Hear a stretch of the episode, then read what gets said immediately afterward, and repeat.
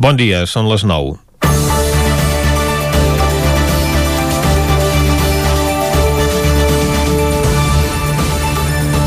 Molt malament deu haver d'estar la monarquia borbònica que el dia abans de la celebració de la Festa Nacional Espanyola es distribuís per les xarxes socials un vídeo de 14 minuts en què tot un seguit de personalitats es fan un tip de cridar Viva el rei.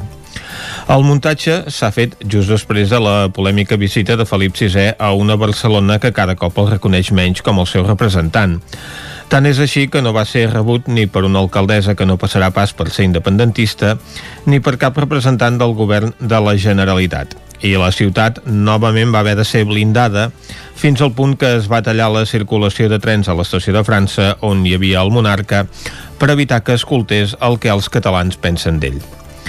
La visita ja venia precedida de polèmica perquè el govern socialista reconeix que va evitar que Felip VI vingués a lliurar els despatxos a la nova promoció de jutges, com té per costum, per evitar problemes davant de la proximitat de l'1 d'octubre i de que el Tribunal Suprem dictés la sentència que estava cantada d'inhabilitació a Quim Torra. Lluny de la neutralitat de la seva funció institucional, el rei va trucar al president del Consell General del Poder Judicial per dir-li que li hagués agradat ser aquell dia a Barcelona, així que el govern socialista va buscar la primera excusa que va trobar per reparar el greuge un cop passades les dates clau. La preocupació per tot plegat deriva del resultat d'una enquesta. Com que fa anys que el Centre d'Estudis Sociològics no creu convenient demanar per la monarquia en els seus sondejos d'opinió pública, Con concretament, des que els resultats no li van sortir favorables, la plataforma de mitjans independents n'ha encarregat una. El resultat l'han donat a conèixer aquests 16 mitjans coincidint amb el 12 d'octubre i no pot ser més esborronador. Prop de la meitat dels espanyols encastats estan a favor de la celebració d'un referèndum sobre la monarquia, molts més dels que hi estan en contra.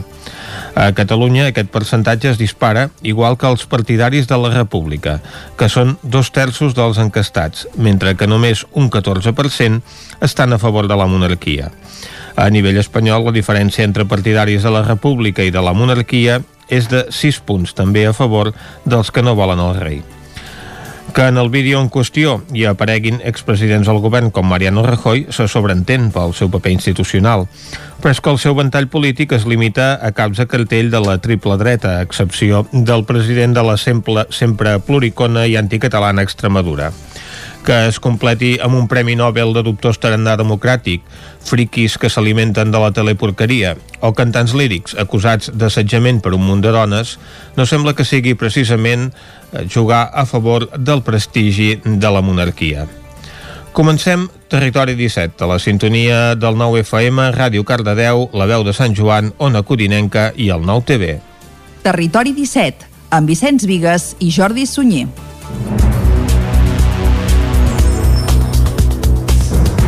Són, són les 9 i 3 minuts del dimarts, dia 13 d'octubre de 2020. Comença aquí un nou Territori 17 que avui, entre d'altres, comptarà amb el Buscat la Vida, amb la Txela Falgueres, parlarem d'economia amb el Joan Carles Arredondo i acabarem fent tertúlia esportiva, tot i ser dimarts i no pas dilluns, acompanyats dels nostres tertulians habituals. Parlarem del cap de setmana esportiu.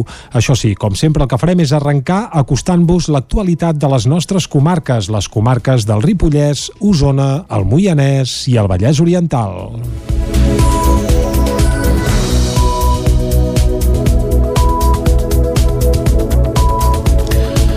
Capgirem Vic al·lega contra la immatriculació de la catedral i el Palau Episcopal. El bisbat, per la seva banda, incideix en el fet que porten a terme el procés per poder optar una subvenció que permeti rehabilitar els claustres. Capgirem Vic es mostra contrari al procés d'immatriculació del conjunt arquitectònic de la catedral de Sant Pere de Vic i el Palau Episcopal que ha iniciat la diòcesi i el bisbat. Joan Comec, regidor de Capgirem Vic, demana que no es formalitzi el procés perquè considera que l'Església no pot passar per sobre dels drets de l'administració pública pública. El nostre punt de vista és que la catedral eh, ha de ser titularitat de l'Ajuntament, perquè eh, de la mateixa manera que el bisbat es presenta com a possible propietari sense ser-ne, considerem que l'Ajuntament hi ha precedent de la República que va declarar aquest tipus d'events patrimoni cultural del país, diguem-ne, públics, doncs considerem que l'Ajuntament, en defensa dels interessos de la ciutat de Vic, hauria de fer el mateix. Podríem estudiar una manera de que s'arribés a un acord dels usos amb el bisbat entenem que la catedral és un lloc on s'hi pot fer ofici, on s'hi, pot dir missa, diguem-ne, però també entenem que la propietat de la catedral ha de ser municipal eh, perquè eh, és, és un bé històric de la ciutat i com a tal és un bé històric de tots els biguetats. Des del Bisbat de Vic asseguren que el mes de març van iniciar el procés seguint el procediment legal vigent. També diuen que són coneixedors del decret de l'any 1931 de protecció del patrimoni arquitectònic, però apunten que no s'ha de confondre la titularitat amb la protecció que pretén el decret. Després que Capgirem Vic hagi al·legat assegurant que aquest no és un bé de l'Església, un jutge haurà de decidir si l'al·legació és procedent. Massificació de boletaires i retencions de trànsit al Ripollès durant aquest pont. Isaac Muntades, des de la veu de Sant Joan. Tot i la crida de la Generalitat de Catalunya a la població d'evitar al màxim qualsevol mena de desplaçament innecessari per no incrementar el risc de contagi durant aquest pont, el Ripollès s'ha vist envaït de turistes. L'operació d'ornada d'aquest dilluns va ser un autèntic caos i va haver-hi cues de cotxes des de la 1 de la tarda fins passades les 8 del vespre a la Nacional 260 entre Ribes de Freser, Camp de Bànol i Ripoll. El Servei Català de Trànsit va informar de cues de cotxes de fins a 2 quilòmetres abans d'entrar a la C-17 i tot i el doble carril fet amb cons els vehicles no avançaven. A més, segurament en alguns moments els quilòmetres de cues van arribar a triplicar-se. D'aquests visitants eren boletaires que venien a emplenar el cistell i arreu de la comarca era fàcil veure cotxes mal aparcats al voral de la carretera amb gent que sortia per anar a buscar bolets, per exemple, just abans de la colònia Estabanell, a Camprodon, però també a la carretera de Campelles. L'alcalde de Molló, Josep Coma, va explicar que des de que va començar el desconfinament total pels vols de Sant Joan, molta gent de l'àrea metropolitana s'ha acostat a la comarca i han tingut una ocupació molt elevada a les zones residències i els establiments turístics durant els mesos de juliol i agost. La bonança s'està allargant fins ara per la temporada de bolets. De fet, molts hotels i restaurants confirmen que aquest és el millor estiu en dècades que han tingut pel que fa a ocupació. La massificació també va provocar problemes d'aparcaments en llocs d'interès aquest diumenge i incivisme per passar per llocs per on està prohibit. Hi havia molts problemes per accedir al Molló Park, té la capacitat que té sobretot l'aparcament i en tot cas estava desbordat i això provoca que tota la gent quan està per arribar al Molló Park para, demana informació, on pot aparcar, de vegades descarrega doncs, la gent que porta el cotxe, està la família, les criatures amb els cotxets, i això el que provoca és que es facin cues a l'arribada del Molló Park. Doncs durant des de mig matí hi havia cues importants per poder accedir al Molló Park, llavors la gent aparca on pot, o, o al poble de Molló, o als vorals de la carretera, més o menys la pista d'Espinarell de Set Cases, sí que hi ha molt moviment, a Coll d'Ares, el problema que tenim és que hi ha molta gent que circula per pistes que està, que està prohibit. Hi ha la senyalització que està prohibit, que només hi havia la senyalització oportuna, sí que els agents rurals doncs, van treballant i van sancionant, però que ens estem plantejant de, de buscar algun mecanisme més dur de tancament, eh, com ara barreres o, o cadenes per poder tancar. Una situació que s'hagués allargat un dia més si no fos pel coronavirus, ja que aquest dimarts s'havia de celebrar la tria de mulats d'Espinavell. Una setantena de persones assisteix a l'acte Record, un esdeveniment organitzat per l'Ajuntament de Caldes de Montbui en homenatge a les víctimes de la Covid. Caral Campàs, des d'Ona Codinenca. L'espai emblemàtic de la plaça del Molí de l'Esclop de Caldes va acollir aquest divendres l'acte record en homenatge a les víctimes de la Covid i com a reconeixement als col·lectius que treballen per fer-hi front. L'acte va comptar amb tres manifestacions testimonials del que ha suposat l'experiència Covid-19 al municipi. Ferran Rodríguez, com a representant del col·lectiu jove i vinculat a, a l'activisme associatiu, que va parlar d'un dels moments més durs que va viure durant el confinament quan la seva àvia, que estava en una residència, va morir de coronavirus.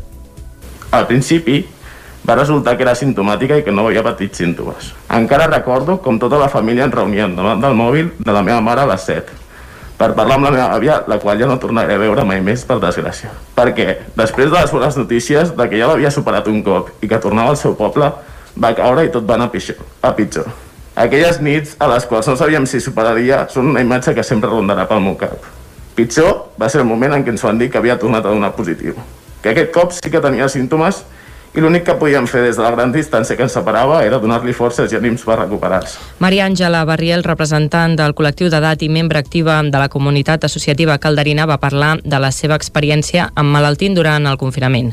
Finalment, l'apunt científic el va aportar Daniel López, membre de Calda Solidària i professor de la UPC, investigador del grup de recerca de Biologia Computacional i Sistemes Complexos. López apuntava que estem molt millor que a l'inici de la pandèmia, tot i els coneixements que s'han pogut pogut anar adquirint per pal·liar els efectes de la Covid. Els científics, sobretot, posaven alerta per l'increment que hi pot haver ara que la població torna a estar en espais tancats per la climatologia. Al final del seu discurs es va aventurar a dir que la crisi sanitària es podria haver solucionat d'aquí a un any. Daniel López. Tot i així, hem de ser conscients que això segueix, això continua. Eh? En aquests moments la tardor està avançant, el fred cada cop s'acosta més, la gent té més activitats en espais tancats i això ja està començant a veure's en un increment de, de la incidència que estem patint. No som nosaltres sols, eh? és de fet un fenomen que està a tota Europa o de fet que es pateix a bona part del món. Per tant, ens toca tornar-nos a de paciència i d'energia perquè ens tenim molts mesos per davant o un any o un any i mig, no ho sé en què haurem de seguir treballant i haurem de seguir lluitant per, per minimitzar els danys que, que ens provoca. A la ciència s'hi va unir l'art de la mà de tres calderins amb actuacions que van envoltar els diferents parlaments d'una atmosfera càlida, intimista i propera. Anna Macau, de la companyia de dansa Silver Drops, Marçal Pàmies, del grup de música Terra i Esther Tenedor, que va pintar un quadre en directe inspirat en el Petit Príncep que es quedarà exposat a la sala de plens.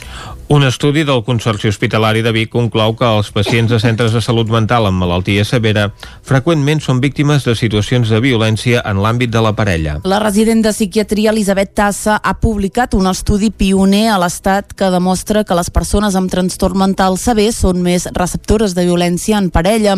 A partir d'una base de dades amb un centenar de pacients d'Osona recollida per la doctora Maria José Álvarez el 2008 es van separar quatre ítems del qüestionari vinculats amb la violència la física, la sexual, la psicològica i la global. Elisabet Tassa és resident de quart any del Consorci Hospitalari de Vic. Vam agafar aquests, aquests tipus de violència i llavors vam fer una puntuació composta de violència de parella a és a dir, sí, no.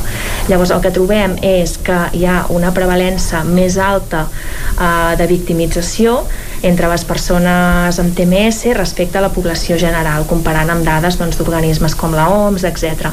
La doctora Álvarez fa autocrítica i apunta que els psiquiatres moltes vegades consideren que la credibilitat d'una persona amb problemes de salut mental és menor. Per corregir aquesta Terrada, Álvarez remarca la, la importància d'escoltar el pacient i preguntar, perquè sovint allò que no es pregunta no s'explica i per tant no existeix. María José Álvarez és psiquiatra del Consorci Hospitalari de Vic. Muchas veces el interlocutor del sistema sanitario es la pareja, ¿eh? como diciendo, bueno, ella es la enferma, a ver qué dice el sano, ¿no? Y muchas veces, pues, eh, tenemos que escuchar a la paciente, dar credibilidad a la paciente, empoderar a la paciente. L'estudi d'Elisabet Tassa està enmarcat en el projecte d'investigació iniciat per la doctora Maria José Álvarez sobre trauma i trastorns mentals, del qual s'han recollit alguns articles a revistes prestigioses com el The Journal of Nervous and Mental Disease. Dissabte es va celebrar el Dia Mundial de la Salut Mental i a Llinars el Club Social La Torrassa amb els seus integrants ho va celebrar d'una manera diferent al que havien pogut fer fins ara. David Auladell, de Ràdio Televisió, Cardedeu. Els altres anys, el Club Social La Torrassa de Llinars, dins de la Fundació LAR, organitzava una jornada lúdico-esportiva oberta a tot el poble durant un matí. En aquesta jornada, les persones que tenen alguna malaltia mental i que són del centre La Torrassa feien de monitors i organitzadors de la jornada en diferents disciplines, tenis taula, futbol i humà, bàsquet i també hi havia diverses actuacions d'entitats de Llinars. Enguany, però, no ha pogut ser així i ells mateixos han convertit aquesta jornada en una trobada online que van fer dissabte a les 11 del matí. Sota el lema Fes Salut per la Salut Mental van fer una classe esportiva online des del canal d'Instagram de Clubs Socials Fundació Lar, on tothom que volgués s'hi podia unir per seguir la sessió que van fer els mateixos participants del Club Social Llinasenc. Desenes de persones van participar dijous a Vic a l'acció de rebuig a la visita d'aquest divendres de Felip VI a Barcelona, que consistia en cremar fotografies del monarca. La concentració convocada per l'Assemblea Nacional Catalana i que comptava amb el suport d'altres entitats sobiranistes va començar a les 8 del vespre i tenia com a objectiu rebutjar la visita de divendres del monarca espanyol a la gala d'entrega de premis de la Barcelona New Economy Week. La crema de fotos es va reproduir en altres localitats d'Osona. Les accions de protesta van continuar divendres al matí amb una cadena humana entre l'estació de França a l'estàtua de Colom. Aquests actes, segons l'ANC, a part de la consciència antimonàrquica, també volen recordar la falta de drets fonamentals i de llibertat d'expressió per part del govern espanyol. Foment planteja ara el desdoblament desdoblament parcial de la R3 a la sortida de Vic. La millora de la connexió ferroviària entre Osona i el Ripollès i Barcelona és una demanda històrica que de moment no ha obtingut resposta per part del govern de l'estat espanyol. A l'espera del desitjat desdoblament de tot el recorregut de la línia R3, que ha començat a moure's en el tram Parets-La Garriga, el Ministeri de Foment, a través del coordinador de Rodalies, Pere Macias, ha posat sobre la taula una solució provisional i parcial per aconseguir agilitzar i augmentar la freqüència de pas de convois que arriben a la capital usonenca tal com va apuntar el ple de Vic el regidor delegat de Vallà per les millores de l'R3, Josep Arimany, i han confirmat també des d'altres institucions com el Consell Comarcal d'Osona o l'entorn de Macias, la proposta consistiria a col·locar doble via en un tram d'un quilòmetre entre les estacions de Vic i Balanyà Tona Ceba. Aquesta bifurcació momentània seria un pas previ al desdoblament de l'R3 que Osona hauria de començar pel tram Vic-Centelles, ja que orogràficament és poc complicat. Amb la idea d'anar fent passos per millorar la connexió ferroviària amb Barcelona també s'expressava el president del Consell Comarcal d'Osona, Joan Carles Rodríguez, que remarcava que l'objectiu final és assolir el desdoblament de tota la línia, tot i que també deia s'ha de tenir en compte el dia a dia. I fins aquí el butlletí de notícies que us hem ofert amb Vicenç Vigues, Clàudia Dinarès, David Auladell, Caral Campàs i Isaac Muntades. I ara el que toca, com sempre, és fer una ullada a la situació meteorològica.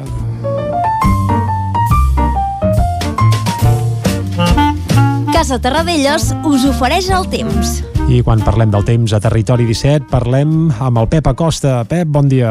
Hola, molt bon dia. I bona hora. Benvinguts a la informació meteorològica.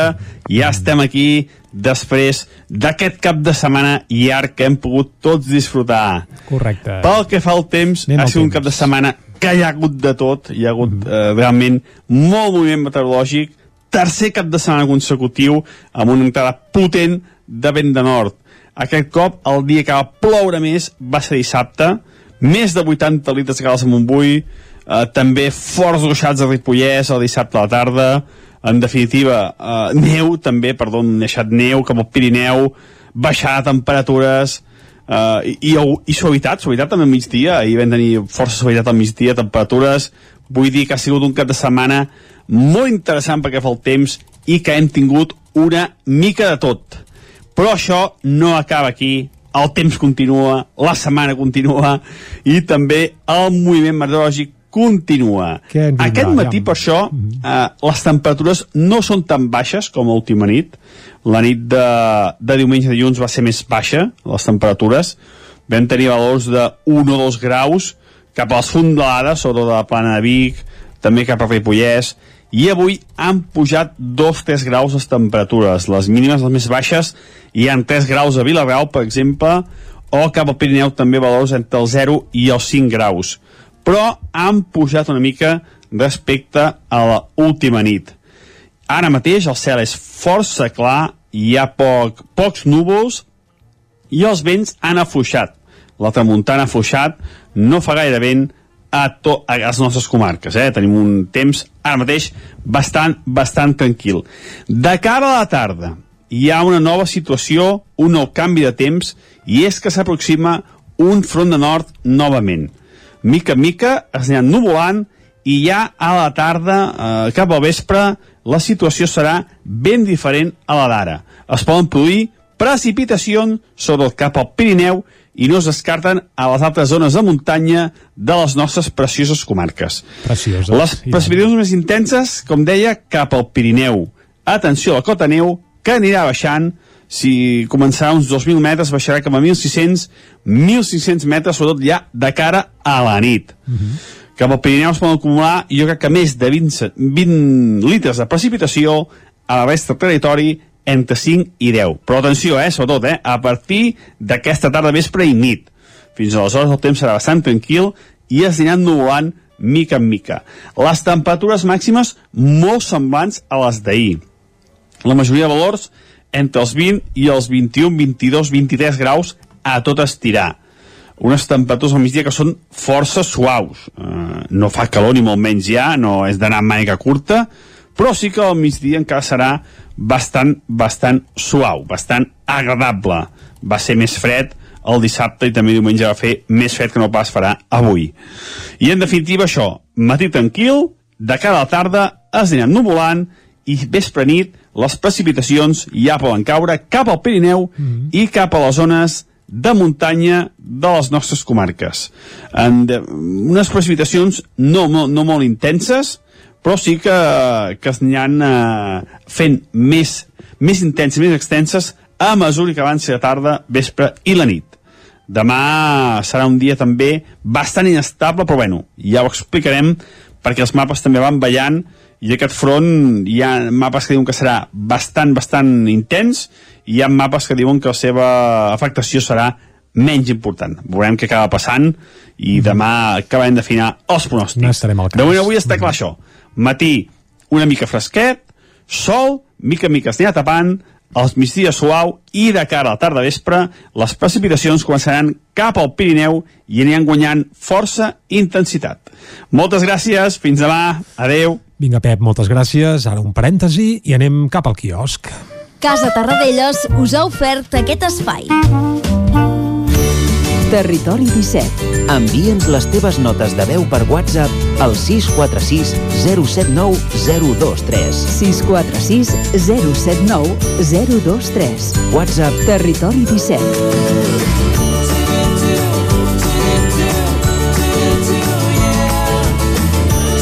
Territori 17. Som a Facebook, Twitter i Instagram amb l'usuari Territori 17.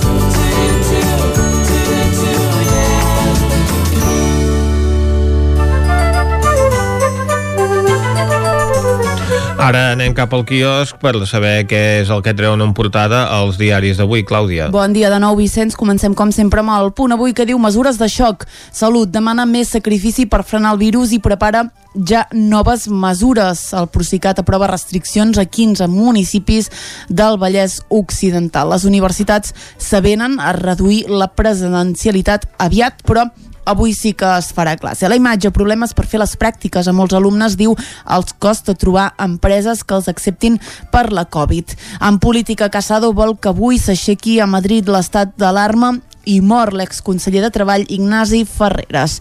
Anem al diari ara que diu el govern posa el focus en reduir l'activitat social. Prepara més restriccions aquesta setmana que afecten la restauració, l'esport i la mobilitat. Estableix reducció d'aforaments en 15 ciutats del Vallès i demana a la gent que s'hi pot no sortir de casa.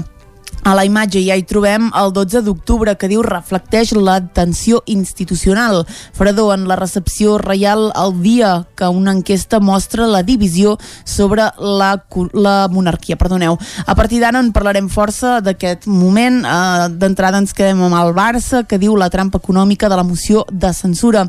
El nou president hauria d'assumir les pèrdues d'aquesta temporada. I en bàsquet els Lakers guanyen la NBA del Covid. Anem al periòdico que diu indults en marxa. El tràmit del perdó pels presos de l'1 d'octubre agafa impuls un any després de la condemna. El Suprem, la Fiscalia i les presons s'han de pronunciar abans que el govern decideixi. Eh, pel que fa al Covid-19, Salut demanarà restringir la vida social i la mobilitat a Catalunya. La Generalitat comença a aplicar l'enduriment de mesures en 15 municipis del Vallès Occidental. També veiem a Rafa Nadal que diu ni ioga ni psicòlegs, esforç diari. Uh, més titulars, multes a les empreses que no portin un registre de salaris i el virus i l'atenció política marquen el 12 d'octubre. I a l'avantguàrdia, la Generalitat preveu un rebrot fort del virus i prepara més restriccions. Dijous s'anunciaran mesures pel teletreball davant el repunt d'un 30% dels casos previst a Catalunya. A la imatge el 12 d'octubre de la Covid-19 i l'atenció política. L'executiu afronta 10 dies clau per contenir la crisi i la Xina fa la PCR a 9 milions de persones per un brot d'alerta 12 casos. Anem a veure què treuen en portada als diaris de Madrid. Avui portades monocolors o, o bicolors, Exacte, sí. Anem a comencem pel país que diu Catalunya prepara més restriccions per anticipar-se a dies difícils. Aragonès fa una crida a sacrificar la vida social davant del ritme d'infeccions. Els universitaris i els turistes, diu, disparen els casos a Granada i Navarra encapçala la tassa de contagi però al·ludeix al confinament.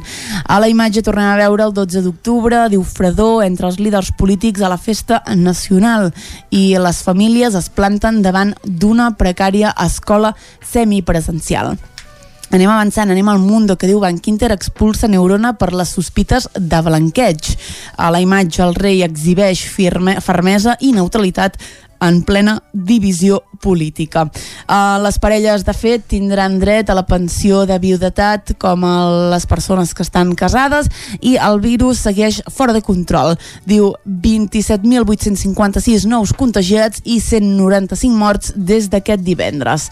A la Razón diu Vives el rei i escridassada al govern el 12 d'octubre. Concretament a la imatge hi veiem el moment en què el vicepresident doncs, va evitar uh, fer uh, una salutació formal, diguéssim, al rei, uh, una imatge que tornarem a veure a l'ABC, per tant no m'hi aturo més del compte. Uh, un altre dels titulars de la raó d'avui diu el PP tem l'ira de Bárcenas i el Tribunal Suprem empresona a la seva dona. I un estudi augura 25 5.000 morts més per Covid-19 a Espanya. I ara sí, acabem amb l'ABC que diu el rei davant de la crispació. Diu Felip VI va presidir la celebració de la festa nacional més tensa per la gestió de la pandèmia i els atacs de Podem a les institucions. Tornem a veure exactament aquest moment que comentava uh, ara, és la salutació... Exacte, qui, qui és la crispació? Això és el que cal aclarir de la portada de l'ABC. Exacte, veiem el rei uh, saludant a Pablo Iglesias que uh, aquí el que destaquen és que uh, ell, Pablo Iglesias doncs, va anar a l'acte amb una mascareta amb missatge republicà i que va doncs, eh, respondre al rei amb un gest molt fred. Concretament he buscat què hi posava en aquesta mascareta, amb mhm. una mascareta amb missatge que diu eh, sanitat pública. Eh, no, no, és cap missatge en no contra de la monarquia. No és republicà, és a favor de la sanitat pública. Uh, en fi, diu esbroncada a Pedro Sánchez, vives a Felip VI i protestes contra el govern. Les esbroncades a Felip VI a Barcelona, aquestes se les van descuidar. Exacte. Però no passa res. Acabem aquest repàs a les portades del dia, avui marcades en la majoria de diaris per imatges d'aquest acte oficial del 12 d'octubre a Madrid. La majoria de, de titulars i d'imatges dels mitjans fan referència a aquesta trobada amb el rei, mentre que el país opta per una imatge del president del govern amb l'alcalde de Madrid i la presidenta de la comunitat autònoma. Tanquem ara i aquí aquest bloc informatiu. El nou FM, la ràdio de casa, al 92.8. Les bones decisions tenen premi. I és que si té una caldera Vaillant, està d'enhorabona. Vaillant li ofereix fins a 15 anys de cobertura total, amb la revisió obligatòria inclosa. Informis a Oficiat Nord trucant al 93 886 0040. Amb el servei tècnic oficial de Vaillant, la seva caldera estarà en les millors mans. Cocodril Club. Si t'agrada la bona música dels anys 60, 70 i 80, escolta el 9 FM als matins de dissabtes i diumenges d'11 a 1. És el temps del Cocodril Club, tot un clàssic de la ràdio, amb les bases del pop-rock, les llegendes, les cançons que s'han convertit en autèntics himnes. Recorda, dissabtes i diumenges al matí, d'11 a 1, al 9 FM 92.8. Cocodril Club, el programa revival de l'Albert Malla. Hasta luego, cocodrilo. Anuncia't al 9FM. La màquina de casa. 9 3 8 8 9 4 9 4 9. Publicitat arroba al 9FM.cat. Anuncia't al 9FM. La publicitat més eficaç. A la Violeta de Centelles fem menjars casolans com els que feia l'àvia. Vine i tasta'ls. Esmorzars de forquilla, la nostra paella dels dijous, menús diaris, dinars i sopars. La Violeta de Centelles. Ens trobaràs al carrer Anselm Clavé 3, al telèfon 93 881 36 05 i també a Facebook i Instagram. Passema, comercial de maquillatge i utillatges. Novetat Velcro, ús general, força extrema, extra fi, cables, terres, altes temperatures, ultrafort. Recorda, novetat Velcro exclusiu a Osona. Passema, som al polígon Sot dels Pradals, al carrer Cervera 10 de Vic. Telèfon 93 885 32 51. Passema.com Vols trencar amb l'oligopoli de l'IBEX 35? Apunta't al consum estratègic i comença a consumir serveis catalans. Per això et convidem a omplir el dipòsit a Petrolis Independents. A Osona ens trobaràs al polígon Mas Galí de Vic i a Centelles just després de la sortida sud. Si vols factura, entra a la nostra pàgina web petrolisindependents.cat i dona't d'alta. Comença a ser independent. Tenim la força de l'amor. cada territori té un atractiu, o més d'un. El fruit, el paisatge, la seva gent, les pedres... Camins de l'Eix. Descobrint el capital de terra endins. Camins de l'Eix, dissabte a les 9 del vespre al 9 TV. Aquesta setmana al Bisaure, amb el suport de la Generalitat de Catalunya. 7 milions i mig de futurs.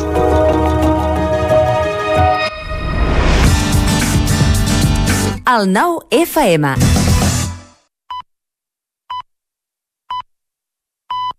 Territori 17, amb Vicenç Vigues i Jordi Sunyer.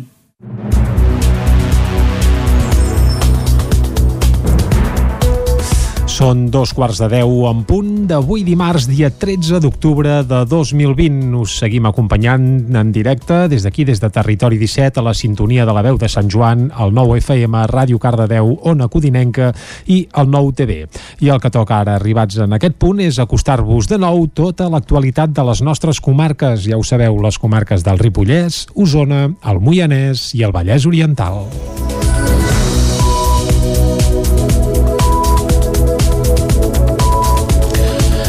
Capgirem Vic al·lega contra la immatriculació de la catedral i el Palau Episcopal. El bisbat, per la seva banda, incideix en el fet que porten a terme el procés per poder optar a una subvenció que permeti rehabilitar els claustres. Capgirem Vic es mostra contrari al procés d'immatriculació del conjunt arquitectònic de la catedral de Sant Pere de Vic i el Palau Episcopal que ha iniciat la diòcesi i el bisbat.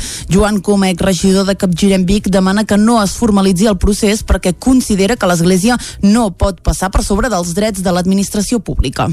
El nostre punt de vista és que la catedral eh, ha de ser titularitat de l'Ajuntament, perquè eh, de la mateixa manera que el bisbat es presenta com a possible propietari sense ser-ne, considerem que l'Ajuntament hi ha precedent de la República que va declarar aquest tipus de béns patrimoni cultural del país, diguem-ne, públics, doncs considerem que l'Ajuntament, en defensa dels interessos de la ciutat de Vic, hauria de fer el mateix. Podríem estudiar una manera de que s'arribés a un acord dels usos amb el bisbat.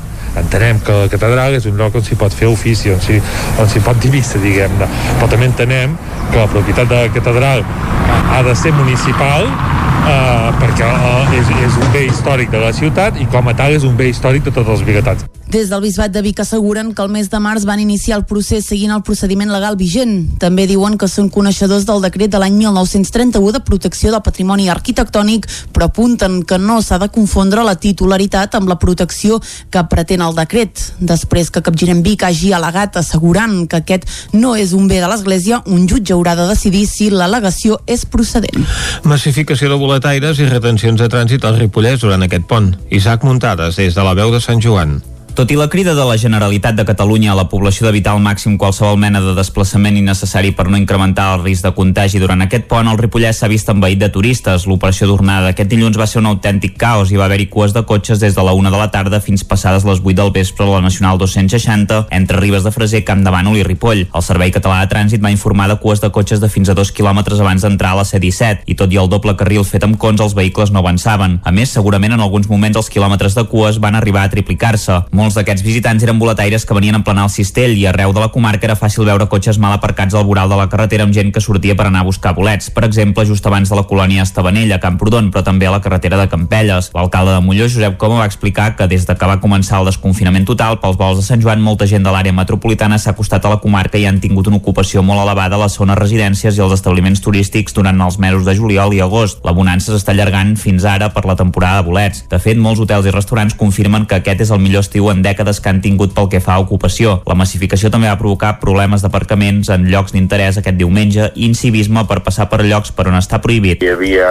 molts problemes per accedir al Molló Parc, té la capacitat que té sobretot l'aparcament i en tot cas estava desbordat i això provoca que la gent quan està per arribar al Molló Parc para, demana informació, eh, on pot aparcar, de vegades descarrega doncs, la gent que porta el cotxe, està la família, les criatures amb els cotxets i això el que provoca és que es facin cues a l'arribada del Molló Parc. Doncs durant des de mig matí hi havia cues importants per poder accedir al Molló Parc, llavors la gent aparca on pot o, o al poble de Molló o vorals de la carretera, més o menys la pista d'Espinell de Set Cases, sí que hi ha molt moviment, a Coll d'Ares. El problema que tenim és que hi ha molta gent que circula per pistes que està, que està prohibit. Hi ha la senyalització que està prohibit, que només hi havia la senyalització oportuna.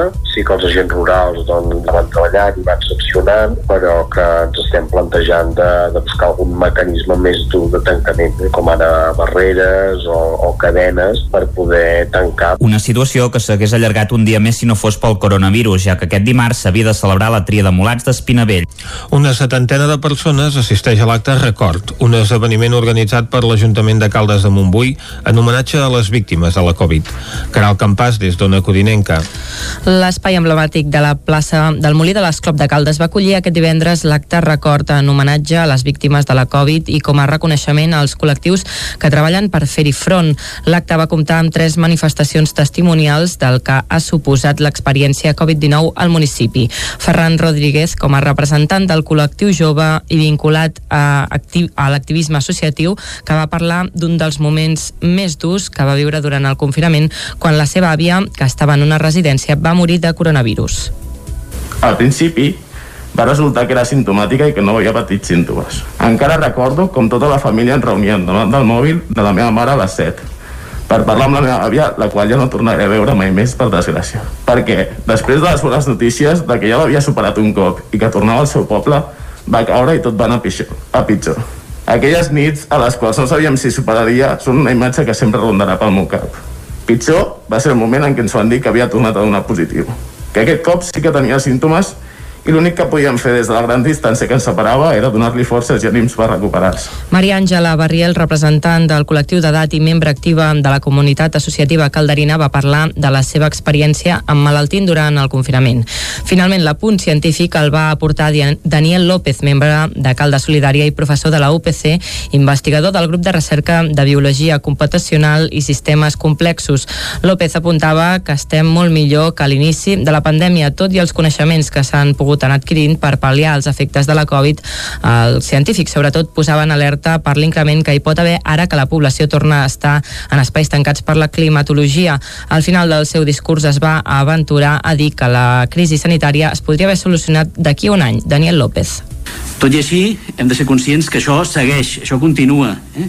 En aquests moments la tardor està avançant, el fred cada cop s'acosta més, la gent té més activitats en espais tancats i això ja està començant a veure's en un increment de, de la incidència que estem patint no som nosaltres sols, eh? és de fet un fenomen que està a tota Europa o de fet que es pateix a bona part del món per tant ens toca tornar-nos a de paciència i d'energia perquè ens tenim molts mesos per davant o un any o un any i mig, no ho sé en què haurem de seguir treballant i haurem de seguir lluitant per, per minimitzar els danys que, que ens provoca. A la ciència s'hi va unir l'art de la mà de tres calderins amb actuacions que van envoltar els diferents parlaments d'una atmosfera càlida, intimista i propera. Anna Macau, de la companyia de dansa Silver Drops, Marçal Pàmies, del grup de música Terra i Esther Tenedor, que va pintar un quadre en directe inspirat en el Petit Príncep que es quedarà exposat a la sala de plens. Un estudi del Consorci Hospitalari de Vic conclou que els pacients de centres de salut mental amb malaltia severa freqüentment són víctimes de situacions de violència en l'àmbit de la parella. La resident de psiquiatria Elisabet Tassa ha publicat un estudi pioner a l'Estat que demostra que les persones amb trastorn mental sever són més receptores de violència en parella. A partir d'una base de dades amb un centenar de pacients d'Osona recollida per la doctora Maria José Álvarez el 2008 es van separar quatre ítems del qüestionari vinculats amb la violència la física, la sexual, la psicològica i la global. Elisabet Tassa és resident de quart any del Consorci Hospitalari de Vic. Vam agafar aquests, aquests tipus de violència i llavors vam fer una puntuació composta de violència de parella a binàrio, és a dir, sí no. Llavors el que trobem és que hi ha una prevalença més alta uh, de victimització entre les persones amb TMS respecte a la població general, comparant amb dades doncs, d'organismes doncs, com la OMS, etc. La doctora Álvarez fa autocrítica i apunta que els psiquiatres moltes vegades consideren que la credibilitat d'una persona amb problemes de salut mental és menor. Per corregir aquesta Terrada, Álvarez remarca la, la importància d'escoltar el pacient i preguntar, perquè sovint allò que no es pregunta no s'explica i per tant no existeix. Maria José Álvarez és psiquiatra del Consorci Hospitalari de Vic. Muchas veces el interlocutor del sistema sanitario es la pareja, ¿eh? como diciendo, bueno, ella es la enferma, a ver qué dice el sano, ¿no? Y muchas veces pues eh, tenemos que escuchar a la paciente, dar credibilidad a la paciente, empoderar a la paciente. L'estudi d'Elisabet Tassa està enmarcat en el projecte d'investigació iniciat per la doctora Maria José Álvarez sobre trauma i trastorns mentals, del qual s'han recollit alguns articles a revistes prestigioses com el The Journal of Nervous and Mental Disease. Dissabte es va celebrar el Dia Mundial de la Salut Mental i a Llinars el Club Social La Torrassa amb els seus integrants ho va celebrar d'una manera diferent al que havien pogut fer fins ara. David Auladell, de Ràdio Televisió, Cardedeu. Els altres anys, el Club Social La Torrassa de Llinars, dins de la Fundació Lar, organitzava una jornada lúdico-esportiva oberta a tot el poble durant un matí. En aquesta jornada, les persones que tenen alguna malaltia mental i que són del centre La Torrassa feien de monitors i organitzadors de la jornada en diferents disciplines, tenis taula, futbol i humà, bàsquet, i també hi havia diverses actuacions d'entitats de Llinars. Enguany, però, no ha pogut ser així i ells mateixos han convertit aquesta jornada en una trobada online que van fer dissabte a les 11 del matí. Sota el lema Fes Salut per la Salut Mental van fer una classe esportiva online des del canal d'Instagram de Clubs Socials Fundació Lar, on tothom que volgués s'hi podia unir per seguir la sessió que van fer els mateixos participants del Club Social Llinassenc. Desenes de persones van participar i ja us havia que l'acció de rebuig a la visita d'aquest divendres de Felip VI a Barcelona, que consistia en cremar fotografies del monarca. La concentració convocada per l'Assemblea Nacional Catalana i que comptava amb el suport d'altres entitats sobiranistes va començar a les 8 del vespre i tenia com a objectiu rebutjar la visita de divendres del monarca espanyol a la gala d'entrega de premis de la Barcelona New Economy Week. La crema de fotos es va reproduir en altres localitats d'Osona. Les accions de protesta van continuar divendres al matí amb una cadena humana entre l'estació de França a l'estàtua de Colom. Aquests actes, segons l'ANC, a part de la consciència antimonàrquica, també volen recordar la falta de drets fonamentals i de llibertat d'expressió per part del govern espanyol. Foment planteja ara el desdoblament parcial de la R3 a la sortida de Vic. La millora de la connexió ferroviària entre Osona i el Ripollès i Barcelona és una demanda històrica que de moment no ha obtingut resposta per part del govern de l'estat espanyol. A l'espera del desitjat desdoblament de tot el recorregut de la línia R3, que ha començat a moure's en el tram Parets-la Garriga, el Ministeri de Foment, a través del coordinador de Rodalies, Pere Macias, ha posat sobre la taula una solució provisional i parcial per aconseguir agilitzar i augmentar la freqüència de pas de convois que arriben a la capital usonenca tal com va apuntar el ple de Vic el regidor delegat de Vallà per les millores de l'R3, Josep Arimany, i han confirmat també des d'altres institucions com el Consell Comarcal d'Osona o l'entorn de Macias, la proposta consistiria a col·locar doble via en un tram d'un quilòmetre entre les estacions de Vic i Balanyà Tona Ceba. Aquesta bifurcació momentània seria un pas previ al desdoblament de l'R3 que Osona hauria de començar pel tram Vic-Centelles, ja que orogràficament és poc complicat. Amb la idea d'anar fent passos per millorar la connexió ferroviària amb Barcelona també s'expressava el president del Consell Comarcal d'Osona, Joan Carles Rodríguez, que remarcava que l'objectiu final és assolir el desdoblament de tota la línia, tot i que també deia s'ha de tenir en compte el dia a dia. I fins aquí el butlletí de notícies que us hem ofert amb Vicenç Vigues, Clàudia Dinarès, David Auladell, Caral Campàs i Isaac Muntades. I ara el que toca, com sempre, és fer una ullada a la situació meteorològica.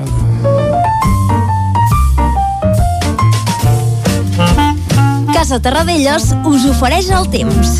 I quan parlem del temps a Territori 17, parlem amb el Pep Acosta. Pep, bon dia. Hola, molt bon dia. I bona hora. Benvinguts a la informació meteorològica. Ja estem aquí després d'aquest cap de setmana llarg que hem pogut tots disfrutar. Correcte. Pel que fa al temps, Anem ha sigut un temps. cap de setmana que hi ha hagut de tot, hi ha hagut mm eh, realment molt moviment meteorològic, tercer cap de setmana consecutiu amb una entrada potent de vent de nord. Aquest cop, el dia que va ploure més va ser dissabte, més de 80 litres de calç a Montbui, eh, també forts ruixats a Ripollès el dissabte a la tarda, en definitiva, eh, neu també, perdó, han deixat neu com el Pirineu, baixar temperatures, uh, i, i, i suavitat, suavitat també al migdia, ahir vam tenir força suavitat al migdia, temperatures, vull dir que ha sigut un cap de setmana molt interessant perquè fa el temps i que hem tingut una mica de tot. Però això no acaba aquí, el temps continua, la setmana continua i també el moviment meteorològic continua. Aquest matí, aviam? per això, eh, les temperatures no són tan baixes com a última nit.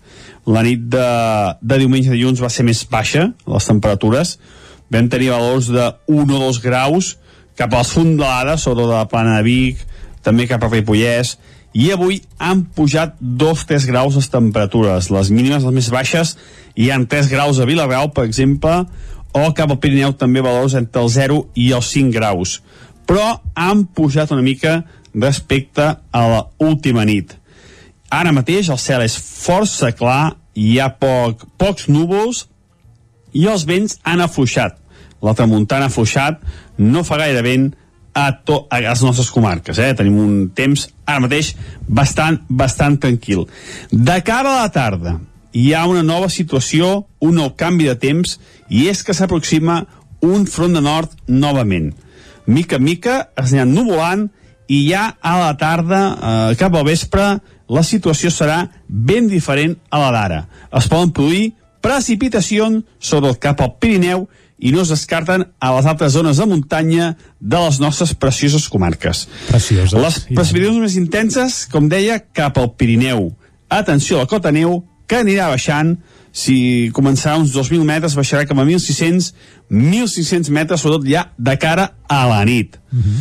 Cap al Pirineu es poden acumular, jo crec que més de 20, 20 litres de precipitació a la resta del territori entre 5 i 10. Però atenció, eh, sobretot, eh, a partir d'aquesta tarda vespre i nit.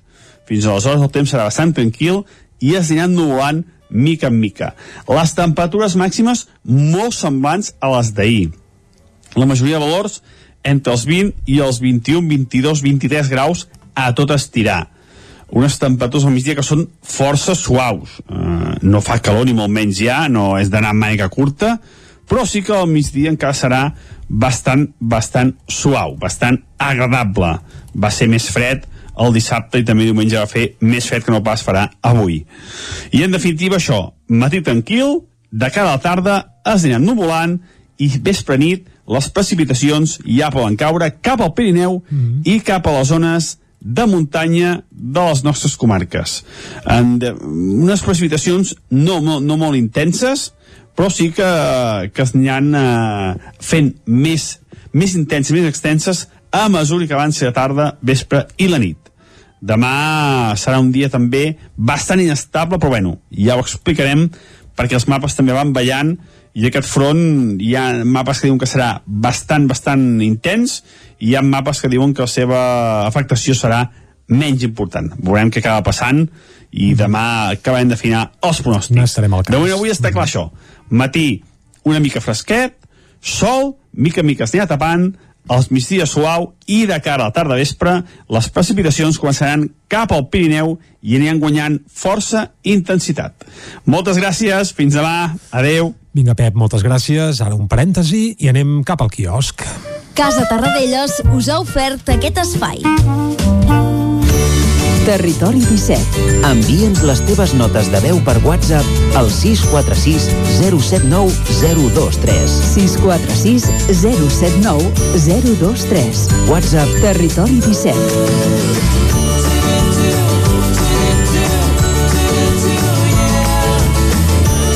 Territori 17.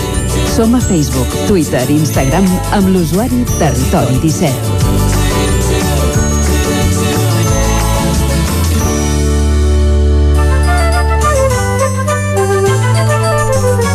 Ara anem cap al quiosc per saber què és el que treuen en portada als diaris d'avui. Clàudia. Bon dia de nou, Vicenç. Comencem, com sempre, amb el punt avui que diu mesures de xoc. Salut demana més sacrifici per frenar el virus i prepara ja noves mesures. El Procicat aprova restriccions a 15 municipis del Vallès Occidental. Les universitats s'avenen a reduir la presencialitat aviat, però avui sí que es farà classe. La imatge, problemes per fer les pràctiques. A molts alumnes, diu, els costa trobar empreses que els acceptin per la Covid.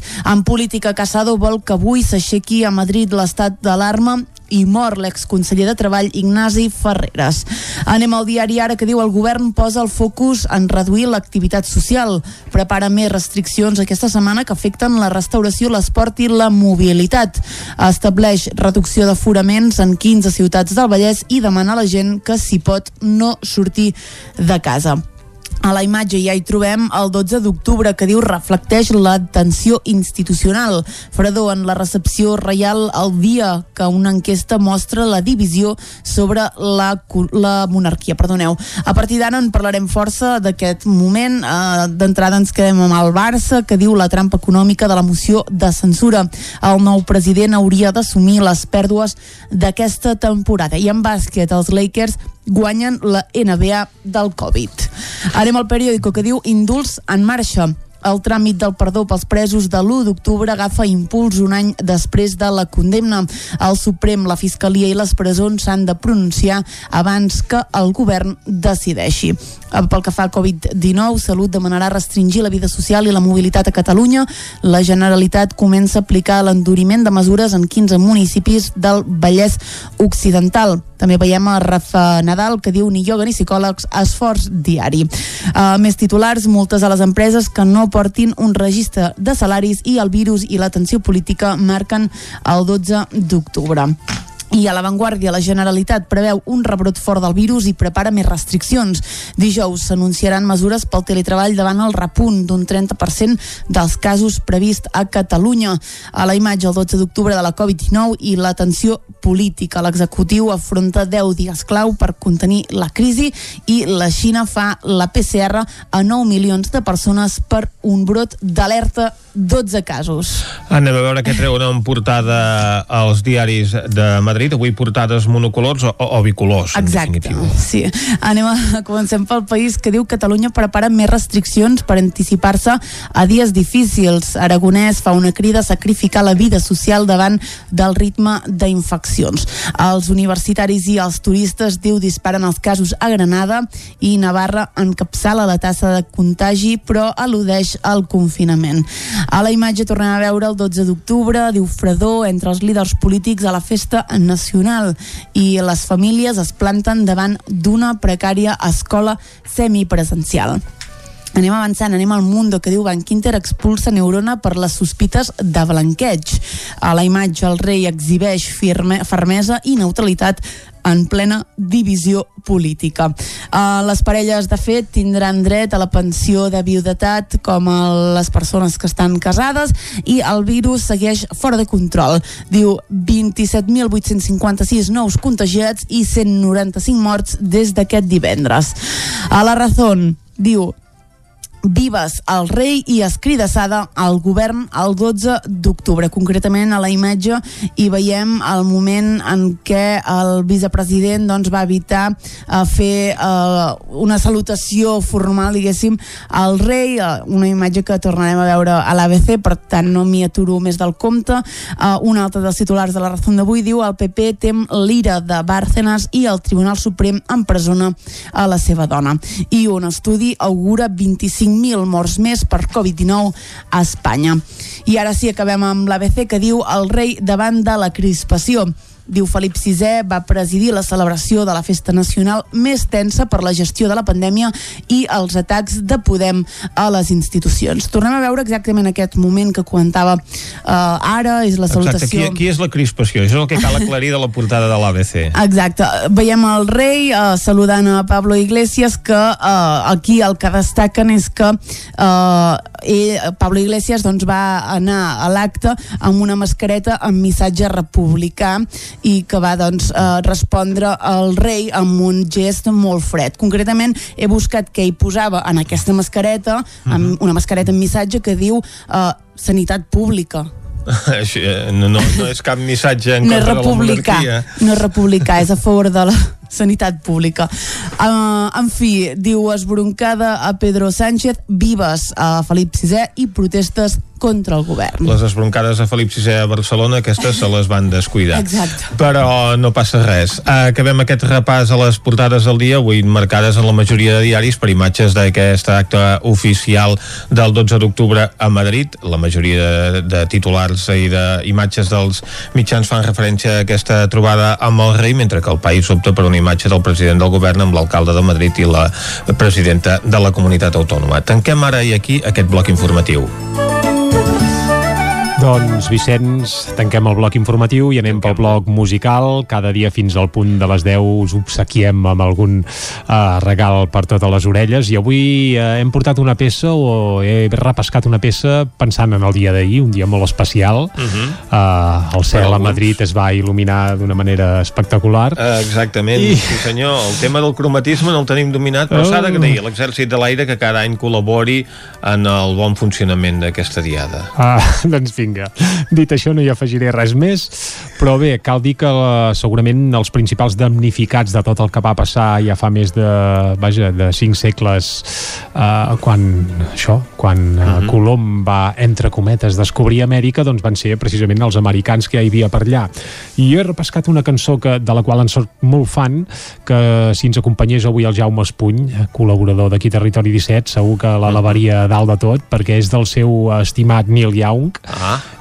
i resulta que el Neil, el Neil Young l'any 1975 en un àlbum que es deia Zuma va publicar una cançó extraordinària que dura 7 minuts i mig, per tant la cançó és llarguíssima i no l'escoltarem pas tota no però un fragment sí, que es deia uh, Cortez uh, The Killer uh, Cortés l'assassí.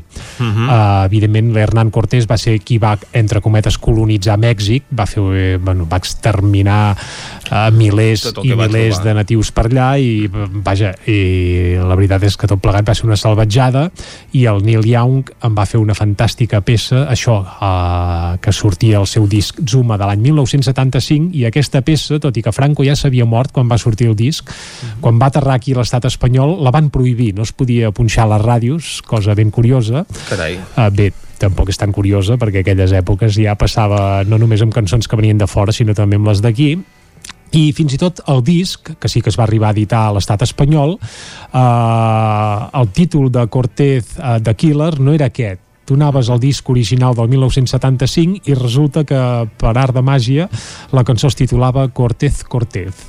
De Killer no apareixia en lloc és una curiositat com una altra.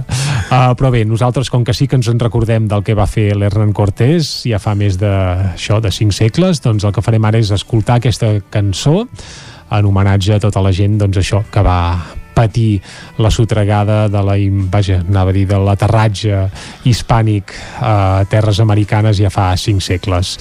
Amb això, amb aquesta peça, amb Cortez de Killer, arribem fins al punt de les 10. Sí? Doncs escoltem Neil Young. Vinga, Neil Young. 10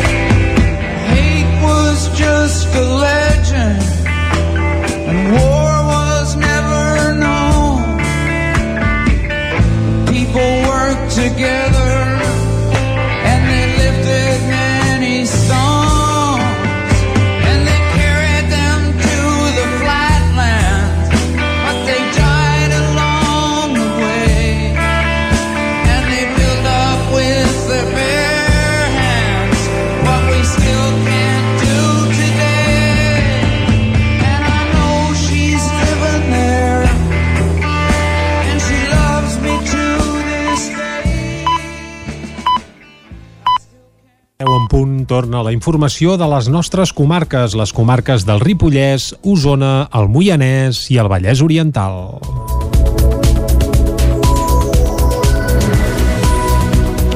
El 25 de juliol de 2019 va entrar en vigor el nou decret de dejeccions ramaderes, una norma que, com a novetat, obligava a pagesos i ramaders a presentar la declaració anual de nitrogen.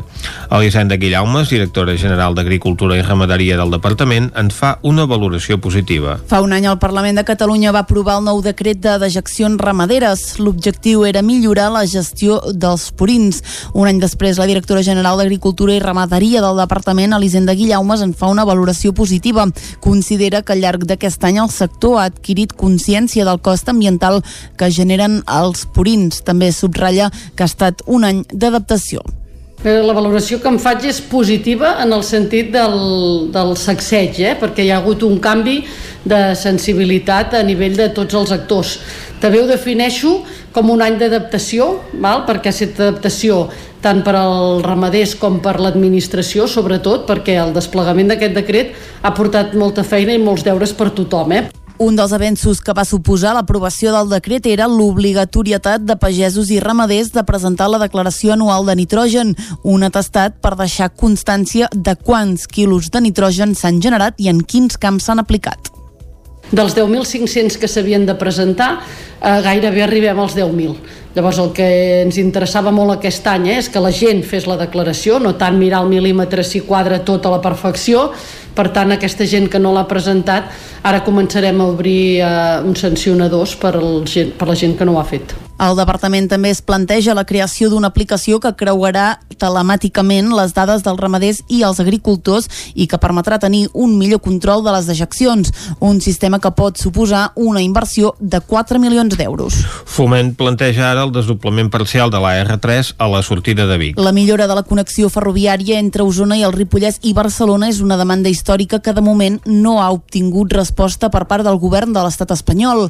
A l'espera del desitjat desdoblament de tot el recorregut de la línia R3 que ha començat a moure's en el tram Parets-La Garriga, el Ministeri de Foment, a través del coordinador de Rodalies, Pere Macias, ha posat sobre la taula una solució provisional i parcial per aconseguir agilitzar i augmentar la freqüència de pas de convois que arriben a la capital usonenca. Tal com va apuntar al ple de Vic el regidor delegat de ballar per les millores en l'R3, Josep Arimany, i que han confirmat des d'altres institucions com el Consell Comarcal d'Osona o l'entorn de Macias, la proposta consistiria a col·locar doble via en un tram d'un quilòmetre entre les estacions de Vic i Balanyà Tona Ceba. Aquesta bifurcació momentània seria un pas previ al desdoblament de l'R3 que Osona hauria de començar pel tram Vic-Centelles, ja que orogràficament és poc complicat. Amb la idea d'anar fent passos per millorar la connexió ferroviària amb Barcelona, també s'expressava el president del Consell Comarcal d'Osona, Joan Carles Rodríguez, que remarcava que l'objectiu final és assolir el desdoblament de tota la línia, tot i que deia també s'ha de tenir en compte el dia a dia. Vigues i Riells instal·la 8 càmeres de videovigilància a les entrades i sortides a la vila. La policia local ja s'ha format en la gestió d'aquesta nova eina de seguretat. Caral Campàs, des d'Ona Codinenca. Vigues i Riells ja compta amb una nova eina de seguretat, vuit càmeres de videovigilància que durant el mes d'agost es van instal·lar al poble i que ara ja estan operatives. Les càmeres s'han instal·lat a les entrades i sortides per assegurar el control exacte de la circulació. Estan connectades a les bases de dades policials dels cossos de seguretat i transferiran la informació directament a les unitats mòbils de policia local i Mossos. Segons el consistori, aquesta instal·lació dona resposta a un neguit de seguretat de la ciutadania. L'eina permet el filtratge d'elements com ara la lectura de matrícules, la seva freqüència d'aparició, els itineraris o bé la detecció de punts negres conflictius. Dimecres, un equip d'Alfanet, l'empresa responsable de les càmeres, va visitar l'Ajuntament per formar la policia local en l'ús d'aquest nou aparell. Actualment les càmeres ja estan en funcionament i, per tant, la policia pot consultar les dades que es recullen. Ripoll dona llum verda a l'ordenança per regular l'ús de les bicicletes, patinets elèctrics i altres vehicles de mobilitat personal. Isaac Muntades, des de la veu de Sant Joan. L'Ajuntament de Ripoll va aprovar inicialment en el darrer ple municipal l'ordenança que ha de regular l'ús de les bicicletes i dels vehicles de mobilitat personal a la vila. Tots els grups del consistori van votar-hi a favor amb l'única excepció del PSC que va preferir abstenir-se per poder presentar algunes al·legacions i donar-hi llum verda amb algunes mesures més concretes. El regidor socialista Joaquim Merino va detallar els punts que s'haurien de polir. El grup municipal socialista, tot i que estem contents i que el document és extens, tot i que hi ha algunes coses que potser hauríem d'encabir-ho més en el, en el plano de Ripoll, sobretot amb els dubtes o que ens generen en les zones de convivència, les zones eh, de vianants, que no sabem qui, en quins carrers o ben bé com es, cada carrer o cada plaça serà d'una categoria d'una altra, hauríem de mirar. Eh, una és el, aquest el tema, la, la tipologia de vies, l'altra és sobre un ús un, potser un pèl més restrictiu perquè al, fi, al final creiem que dona bastant marge a continuar anant una mica pel pati, amb patinets o amb bicicletes per on es vol, per la cera no, no està permès, això ja ho hem vist, i també ens agrada molt que hagin d'educar a les persones que utilitzen els, els patinets. L'alcalde de Ripoll, Jordi Monell, va assegurar que calia impulsar aquesta ordenança per l'augment d'aquest tipus de vehicles de mobilitat personal que, segons ell, són el futur. Més moderna, més sostenible, i més segura, perquè quants més tipologies de vehicles diferents conviuen a la via pública, es fa més complicat, no? Això és la realitat, doncs, el que ens, ens hem anat trobant també aquí a Ripoll, no? Patinets, patinets elèctrics, bicis elèctriques, tricotxes, tricicles, això potser que vagi a més, són vehicles doncs, de baix consum, són vehicles recarregables, són vehicles eh, molt pràctics per, per desplaçar-se i per tant previsible doncs, que, el, que el futur també es basi en aquest tipus de, de mobilitat personal que se'n diu. La regidora de Seguretat Ciutadana, Dolors Vilalta, va recordar que aquest mes d'octubre es començarà a executar la primera fase del pla director de la bicicleta. Precisament el porteu de l'alternativa per Ripoll CUP, Aitor Carmona, també volia veure com casava aquesta ordenança amb el pla director de la bicicleta i va subratllar que l'ordenança era molt tècnica, un fet que segons Carmona l'hagués fet vàlida per altres municipis com Vic o Granollers. Vilalta va lamentar que no plantegessin aquests neguits quan se'ls hi va oferir l'esborrany per fer-hi modificacions. Un control de trànsit a l'eix transversal va acabar dimecres al vespre en persecució policial. Segons expliquen des de Mossos d'Esquadra, un cotxe va al·ludir el dispositiu sortint a l'accés de Callatenes i va travessar el poble a tota velocitat. Els agents van intentar aturar-lo i el van seguir fins a un camí de carro on el fugitiu, que anava al volant d'un BMW, va xocar lleument amb el vehicle d'un veí i també amb el de la policia. Tot i això, finalment va aconseguir escapar-se a través d'un marge. Els Mossos han obert una investigació a través de la matrícula per identificar i localitzar el conductor. La Guàrdia Urbana va detenir aquest dimecres a un veí de Barcelona de 60 anys i una veïna de l'Hospitalet de Llobregat de 44 anys com a presumptes autors d'un delicte de furt. La detenció hauria tingut lloc després que un agent de la Guàrdia Urbana de Vic observés com un vehicle sortia a tota velocitat d'una zona de càrrega i descàrrega. Davant d'aquest fet va procedir a aturar el vehicle per identificar el conductor, moment en el que els altres tres ocupants, dos homes i una dona, van abandonar corrents al vehicle, un dels quals va poder ser interceptat per la gent. Els agents van procedir a escorcollar l'interior del vehicle i van trobar dues llibretes d'estalvis amb 1.000 euros en metàl·lic a l'interior i van comprovar que la identitat dels titulars dels documents no es corresponia amb la del conductor ni l'ocupant que havien estat neutralitzats i que més disposaven de múltiples antecedents per la comissió dels fets delictius. D'immediat es va contactar amb la titular de les llibretes que va confirmar que les hi havien sostret en un pàrquing proper. Els presumptes autors li havien tirat unes monedes al terra quan entrava al seu vehicle i li havien dit que li havien caigut. Mentrestant, una altra persona del grup obria la porta de l'acompanyant i agafava una carpeta del seient a l'interior de la qual hi havia les llibretes amb els diners. Torna al festival més terrorífic de Cardedeu, el Cardo Terror, enguany dedicat a la sèrie B i que ja ha inaugurat l'exposició anual a Sant Corneli. David Oladell, de Ràdio Televisió Cardedeu. Un festival que es farà del 30 d'octubre a l'1 de novembre al cinema Esbarjo de Cardedeu i que, com tots, s'ha hagut d'adaptar a les noves circumstàncies. José Pedrosa, organització del Festival Cardo Terror. El que hem fet, nosaltres ens hem adaptat una mica, l'hem fet tot més petit, eh, hem fet menys, menys actes paral·lels. De fet, aquest de l'exposició és un dels pocs que hem pogut salvar i hem fet eh, menys dies, amb menys pel·lícules i l'aforament més limitat. Bueno, ens hem adaptat. Aquestes adaptacions, però, han permès que es pugui fer un any més l'exposició d'artistes multidisciplinaris en col·laboració amb el Cardo Terror. Del 9 d'octubre a l'1 de novembre podreu gaudir d'aquesta exposició a la capella de Sant Corneli, cada dia per la tarda i dissabtes i diumenges matí i tarda. En ella trobareu les obres de 16 artistes amateurs de Cardedeu i de la comarca. Jaume Muñoz i Pep Ventura, organitzadors de l'exposició del Cardo Terror. El fet de que el terror, no, eh, que és una cosa molt exagerada, doncs aleshores eh, que cada, cada persona o cada, cada artista li dongui pues, la, la seva visió, no? I aquí es pot veure un ventall de, de, de visions totalment diferents de cada persona. Sí, bueno, i, i les obres aquestes són com, com els tres anys que les hem fet. Vull dir, la gent que, que li diem per, que, que participi són obres expressament fetes per, aquest, per, per això només, per la data aquesta del car de terror, no? Vull dir, no és una cosa de és expressament per això, ja està. Per la inauguració de l'exposició a la capella, Miquel Condal va fer un petit esquetx acompanyat de la inauguració del cartell de l'exposició i de la lectura d'un poema de Pep Ventura amb la veu i interpretació d'Olga Vinyals.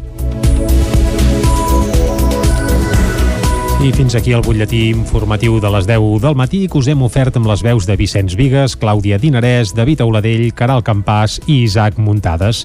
I ara, abans d'anar cap a l'entrevista, avui parlarem amb Vicenta Pallarès, uh, parlarem... Bé, ho descobrireu de seguida, va. El que farem ara és parlar uh, del temps, fer un cop d'ull, el temps que ens espera, sobretot per aquesta tarda.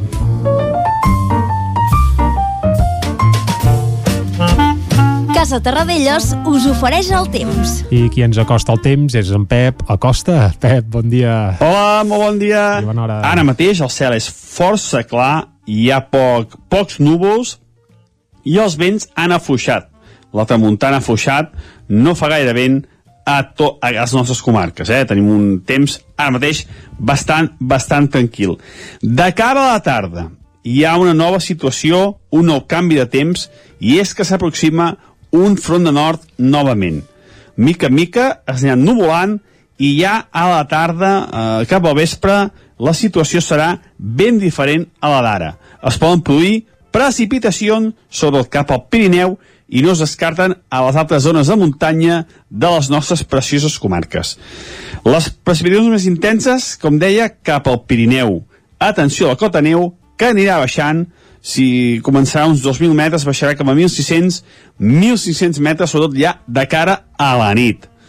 Cap al Pirineu es poden acumular, jo crec que més de 20, 20 litres de precipitació a la resta del territori entre 5 i 10. Però atenció, eh, sobretot, eh, a partir d'aquesta tarda, vespre i nit.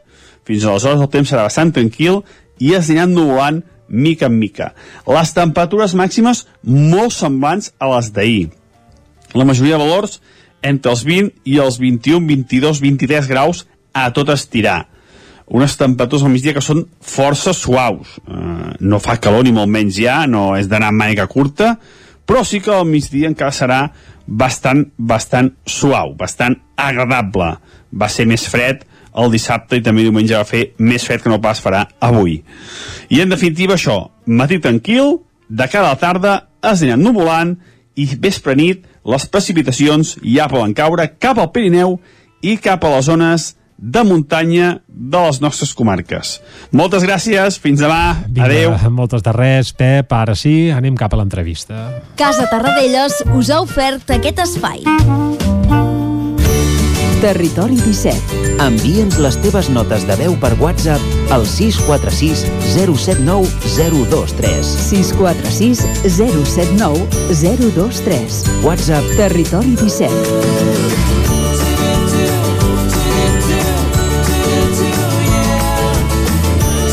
Territori 17. Som a Facebook, Twitter i Instagram amb l'usuari Territori 17.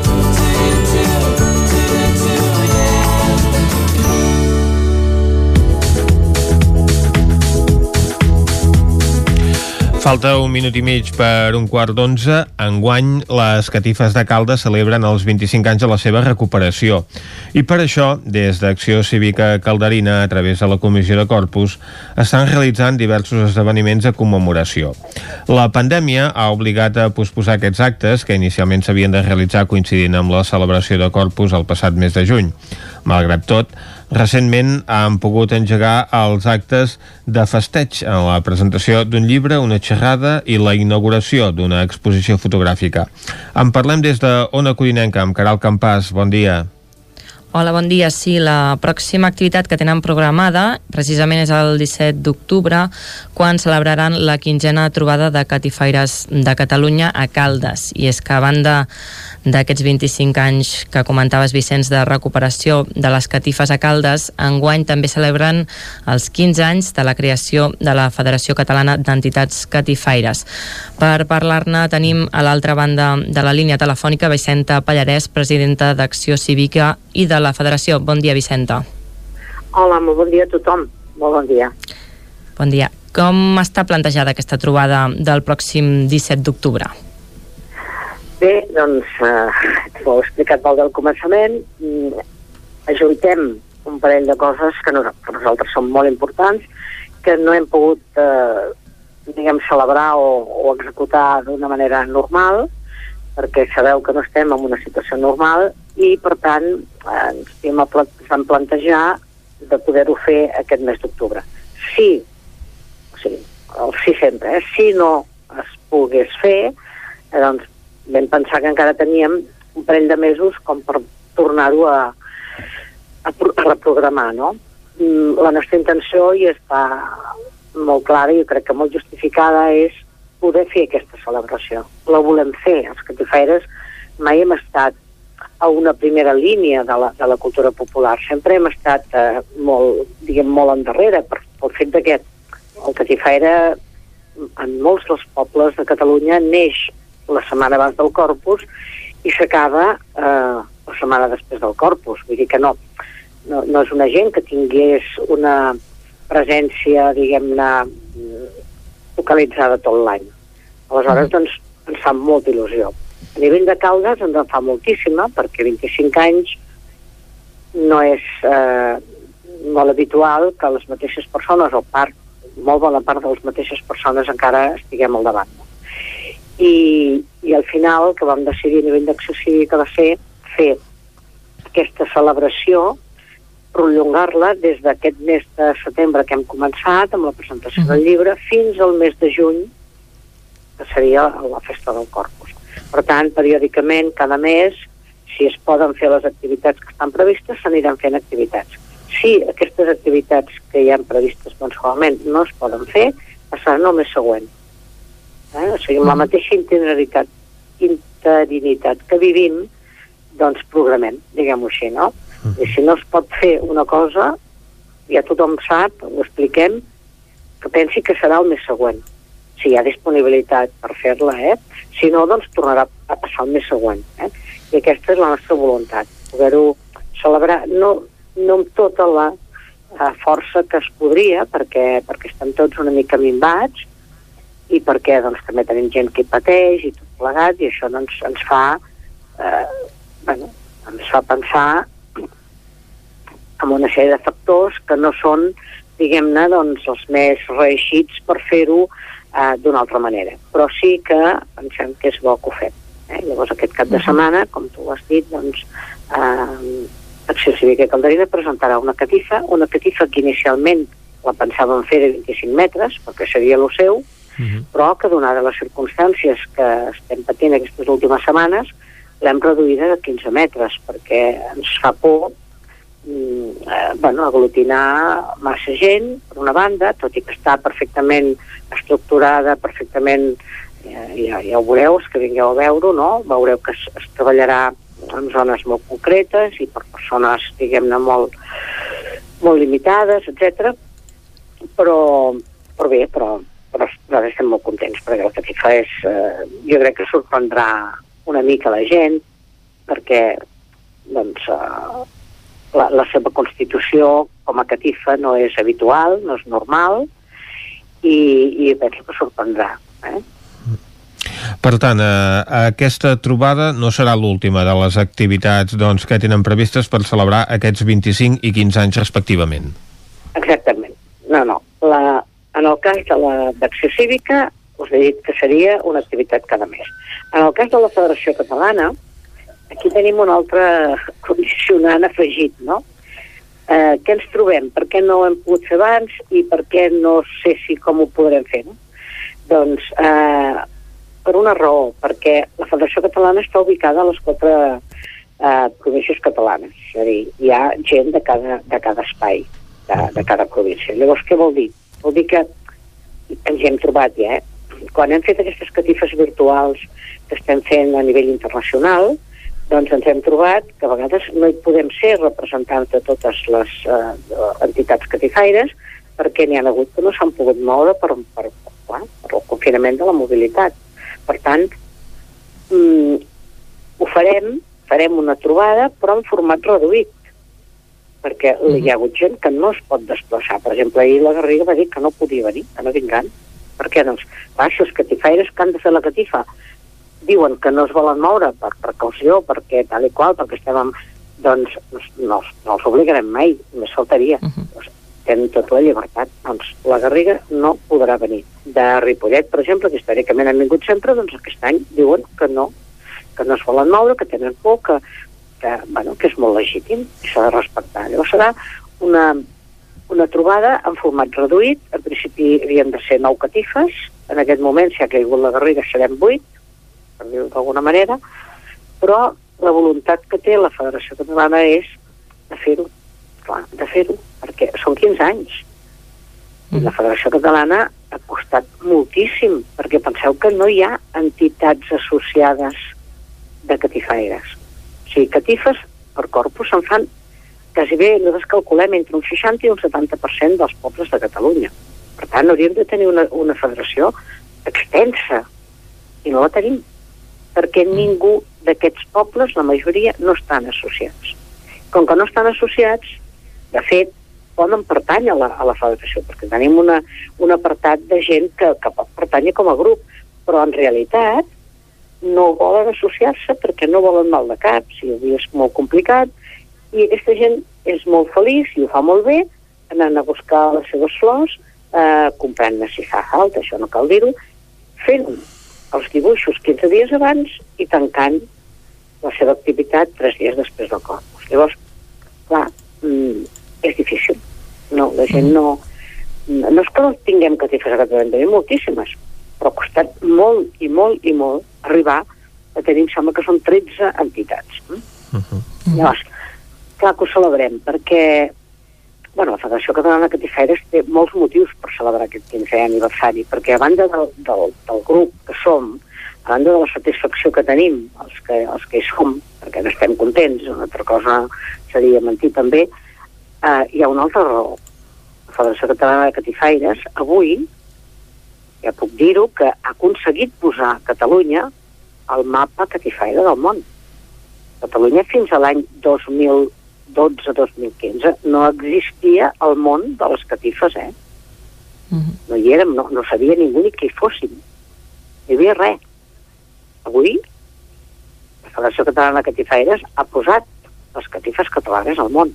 Ha anat al Japó, ha anat a Washington, amb l'Smithsonian, ha anat a diferents països, ha anat a Bèlgica. A Bèlgica, a Brussel·les, a la Gran Place, mai ningú havia fet aquella catifa. Sempre l'han fet els mateixos productors de les begònies.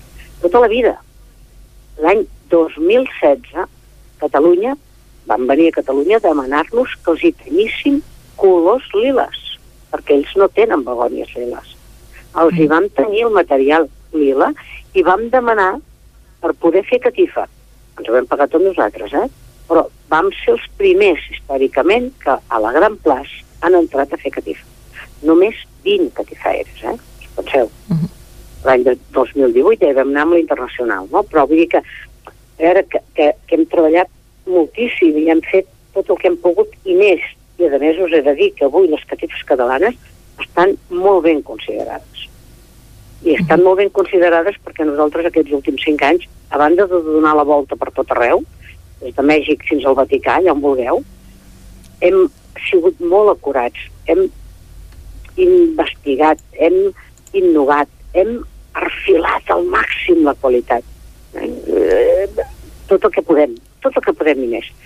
Precisament per això, per fer-ho amb dignitat, per fer-ho de manera que, que es pugui demostrar que, que, que fer una catifa és una obra d'art. Uh -huh. La catifa és una obra d'art.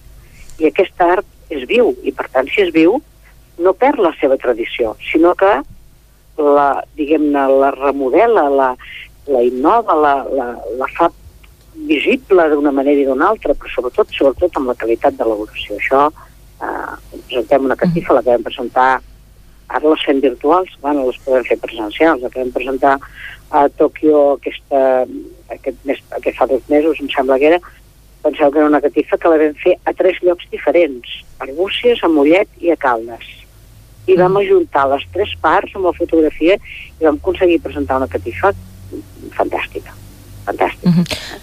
Llavors, aquest 17 d'octubre eh, comentaves que la catifa de Caldes passava de 25 a 15 metres. Les altres eh, catifes, vindrà la gent a fer-les dels que us han confirmat? Quines mesures adopteu per, per fer-les? O, o serà sí. eh, telemàtic? No he acabat d'entendre això. Sí, no, no. A veure, uh -huh. nosaltres tenim la trobada de catifeires presencial. Uh -huh. Presencial.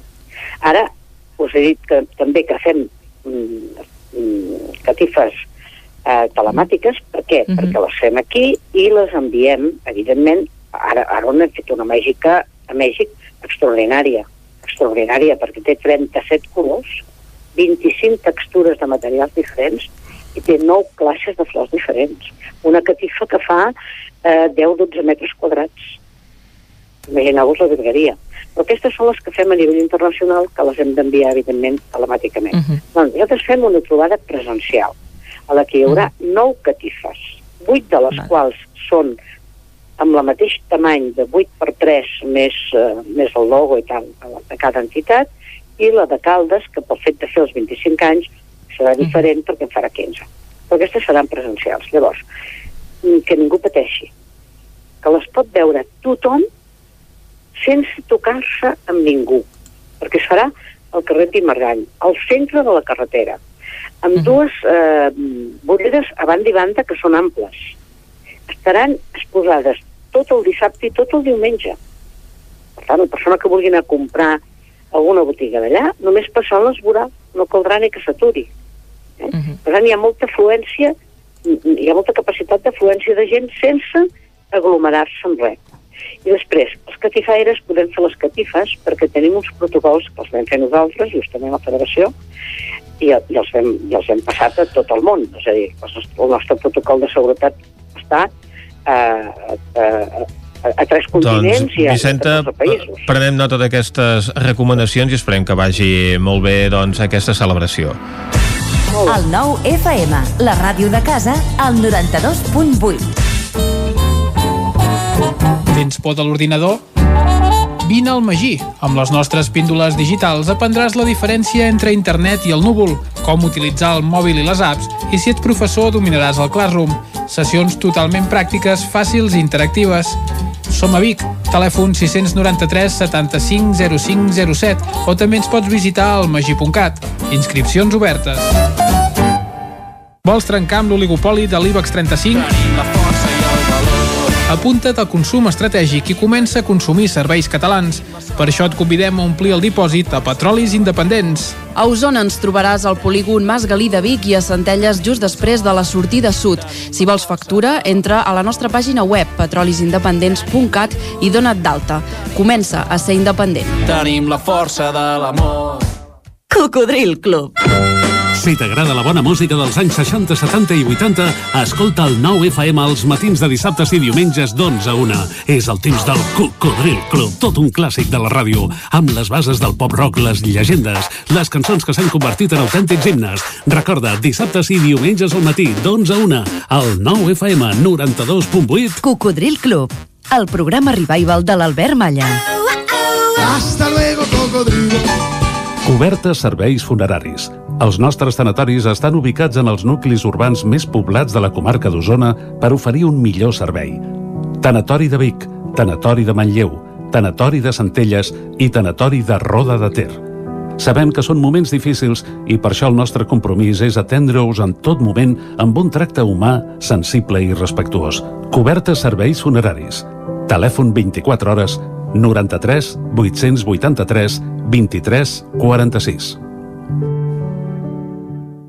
Només pensar en passar aquesta nit sense calefacció amb aquest fred? No es preocupi, hem analitzat a fons la caldera i de seguida quedarà reparada i en funcionament. Quan tingui un problema amb la seva caldera, vagi directament a la solució. Truqui sempre al servei tècnic oficial de Saunier Duval i despreocupis, perquè som fabricants i coneixem les nostres calderes peça a peça. Informis a Oficiat Nord trucant al 938860040. Saunier Duval, sempre al seu costat. Cada territori té un atractiu o més d'un. El fruit, el paisatge, la seva gent, les pedres... Camins de l'Eix. Descobrint el capital de terra endins. Camins de l'Eix, dissabte a les 9 del vespre al 9 TV. Aquesta setmana al Bisaure, amb el suport de la Generalitat de Catalunya. 7 milions i mig de futurs. El nou FM, el nou FM, el nou FM, el nou FM, el nou FM. Són dos quarts onze i ara tenim, com sempre, a l'Isaac Moreno que ens visita. Isaac, se t'han acumulat molts tuits els últims dies. Home, uns quants, hi ha forces temàtiques diferents. A veure, Per exemple, Joan Coma Roura, ex-regidor de, Joan, de Capgirem Vic, ha deixat l'Ajuntament i ara busca feina, entenc. Diu, algú sap quan vam acceptar que presentar-te una oferta de feina hagis de presentar cartes de motivació, recomanacions, titulacions i certificats i que pel que no amb una frase genèrica en tinguin prou? Joel Reguant, de Roda, fa una piulada que diu demà, bueno, la feia ahir, eh? demà a l'Ajuntament de Roda celebrem un ple extraordinari quedem-nos amb el celebrem. Un ple extraordinari per rebutjar la sentència del Suprem contra el president Torra i mostrar tot el suport al molt honorable president etiqueta Roda de Ter, tots amb el president, i una segona piulada diu un ple que ha forçat l'oposició de Junts per Roda i Independents per Roda perquè el govern d'Esquerra i els dos trànsfugues no volien celebrar. No trobareu el lloc que tenim aquest ple perquè les xarxes de l'Ajuntament, absolutament partidistes, no ho han publicat per enlloc. Em quedo amb el celebrem perquè he buscat tots els regidors de l'Ajuntament de Roda i cap, cap es diu Joel Reguant, però vaja. Ah. Però ja deu, deu, deu fer-ho. I l'altra cosa em quedo amb el transfuga, no? Una persona transfuga és algú que marxa, però si algú l'expulsa del meu govern, qualificar-lo de transfuga trobo una mica exagerat. En qualsevol cas, la situació a Roda és complicada. Sí, sí, ja ho veig que sí. Més qüestions. Uh, això és una fe de rades i està bé fer-nos en ressò, diguéssim, perquè com a model, diguéssim. Uh -huh. Albert Medina, periodista d'Olot i... D'Olost. D'Olost, perdó. I cap de comunicació de la Federació Espanyola de Patinatge, diu avui he de demanar disculpes per un error que he comès. Sobretot la meva, la seva disculpa al, al Liceu, al Club Hoquei Liceu, i tota la gent que s'hagi pogut veure afectada. He començat a preparar la notícia del duel versus el Barça, mentre guanyava el Barça i l'he deixat al servidor. Malauradament, la notícia s'ha publicat fent que s'organitzés un malentès que ha succeït. Lamento molt les circumstàncies i el que s'ha generat. I una vegada més, disculpes per tot el que ha succeït. Clar, i què va passar? Que va, que va guanyar el Liceu. Exacte, una victòria històrica després de temps i temps que el Barça guanyava tots els partits va rebre respostes de suport i, i d'ànims i la gent eh, eh, felicitant-lo eh, que si més no doncs tenia el coratge d'admetre l'error i, i explicar què havia passat. Fins i tot del Liceu eh, errar es humano y todos lo hemos hecho alguna vez. Ningún problema por nuestra parte Albert, saludos y gracias por tu trabajo. Doncs eh, aquests eh, ànims per l'Albert Medina que venen des del propi club afectat. Exacte Uh, el 324 ahir, el 9-9 diumenge, es feien ressò de la massificació als espais naturals. Al Montseny hi cap ni una agulla, els espais de muntanya estan notant també l'augment de visitants i comencen a alertar de la massificació. Pep Tines, des de Torelló, responia Ep, Ada Colau, com ho gestionem, això? Uh, hi havia alguna altra pilada en la línia? No, bàsicament aquesta, sí, és veritat, perquè ara entrem ja a la pàgina 12 d'octubre, monarquia i republicanisme. Doncs, endavant. Enric Xicoi, de Torelló, diu qui ens havia de dir que dos membres destacats dels jugulars, grup teatral víctima del franquisme, sortirien en un vídeo amb els hereus del feixisme nacionalista espanyol. Sí, dos usonencs, a més, eh? Albert Bodella i Ramon Fonserem. Eduard Voltes, periodista, repiolava i comentava la jugada. Diu, determinada gent, Jordi Pujol, els va generar un ressentiment patològic i mai més se n'han recuperat. Mai van pair que el burgès de moral estreta li robés la cartera electoral a l'esquerra l'any 80 i en comptes de regirar-se contra ell es van regirar contra tota idea de Catalunya com a nació. El viatge només podia tenir un final, compartir vídeo monàrquic amb l'ultradreta. Sobre la monarquia també en parla Arnau Tordera primer, el deure principal de tots aquells qui es fan dir republicans espanyols no hauria de ser altre que tallar el cap de Felip VI, el breu. Tot el que sigui dilatar aquest feliç destí del cap del monarca és només fanfarneria barata. Sort que ell també forma part d'una dinastia, la dels Arnau Tordera. Correcte, és el primer. Josep Maria Diegues des de Vic diu a quina hora s'estimba contra el fanal al paracaigudista? És el que més m'agrada de la commemoració d'avui. També ho piolava i això. I una altra de les efemèrides del cap de setmana ha estat la publicació del número 4000 del 99 i rebien diverses felicitacions com per Apareixia exemple... ahir, efectivament. Correcte. Felicitació de, des del Ripollès d'Albert Requena, moltes felicitats d'un dels vostres corresponsals a la Vall de Ribes. Sempre m'he sentit part del 9-9. Cada dilluns les cròniques de la Ribetana de futbol i de l'hoquei Club Petit Ribes. Això quan en tenien. Exacte. o en Vicenç Lozano, en eh, moltes felicitats companys d'un usonenc fundador del diari amb tot l'orgull que suposa. Doncs aquestes uh, felicitacions que fem extensives al 9-9 per aquesta celebració del seu número 4000. Ara el que farem és precisament repassar quines són les portades digitals del diari. Doncs comencem per la del Vallès Oriental. L'edició verda Caldes controlarà amb càmeres el mal ús dels contenidors. Mor als 85 anys Josep Baldic, vinculat als tres toms de la Garriga malestar als pobles del Montseny per l'incivisme d'alguns visitants i detingut per un robatori en una benzinera, benzinera low cost de Granollers. Ràpidament intentem carregar la portada vermella, la de l'edició d'Osona i el Ripollès, que obre amb una última hora, escorcoll dels Mossos d'Esquadra en un domicili a Roda de Ter, la crònica, la gimnàstica romanesa de Terra Vic, la crònica d'un nou gimnasta doncs, que, que terra la ciutat i que prové d'un dels països santuaris de, de, de, de, la gimnàstica, de la gimnàstica. Sí, Uh, el cas d'aquesta família de Torelló que viu en una casa que el pla urbanístic preveu enderrocar, és un mal viure que ens vulguin aterrar a la casa, o també la crònica dels ninjas del segle XXI que podem llegir a l'edició digital del Nou Apucat. Molt bé, doncs gràcies per aquest uh, repàs, Isaac, i nosaltres anem cap a la taula de redacció. Bon dia. Territori 17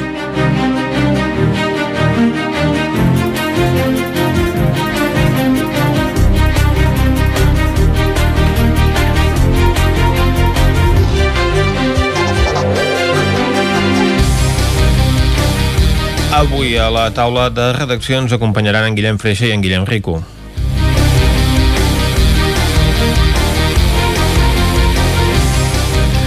Comencem, eh, Guillem Freixa, parlant d'una de les notícies d'actualitat d'aquest cap de setmana on eh, s'ha comprovat que novament l'espai natural doncs, es veu massificat per l'arribada de boletaires i de visitants d'altres indrets de Catalunya, no?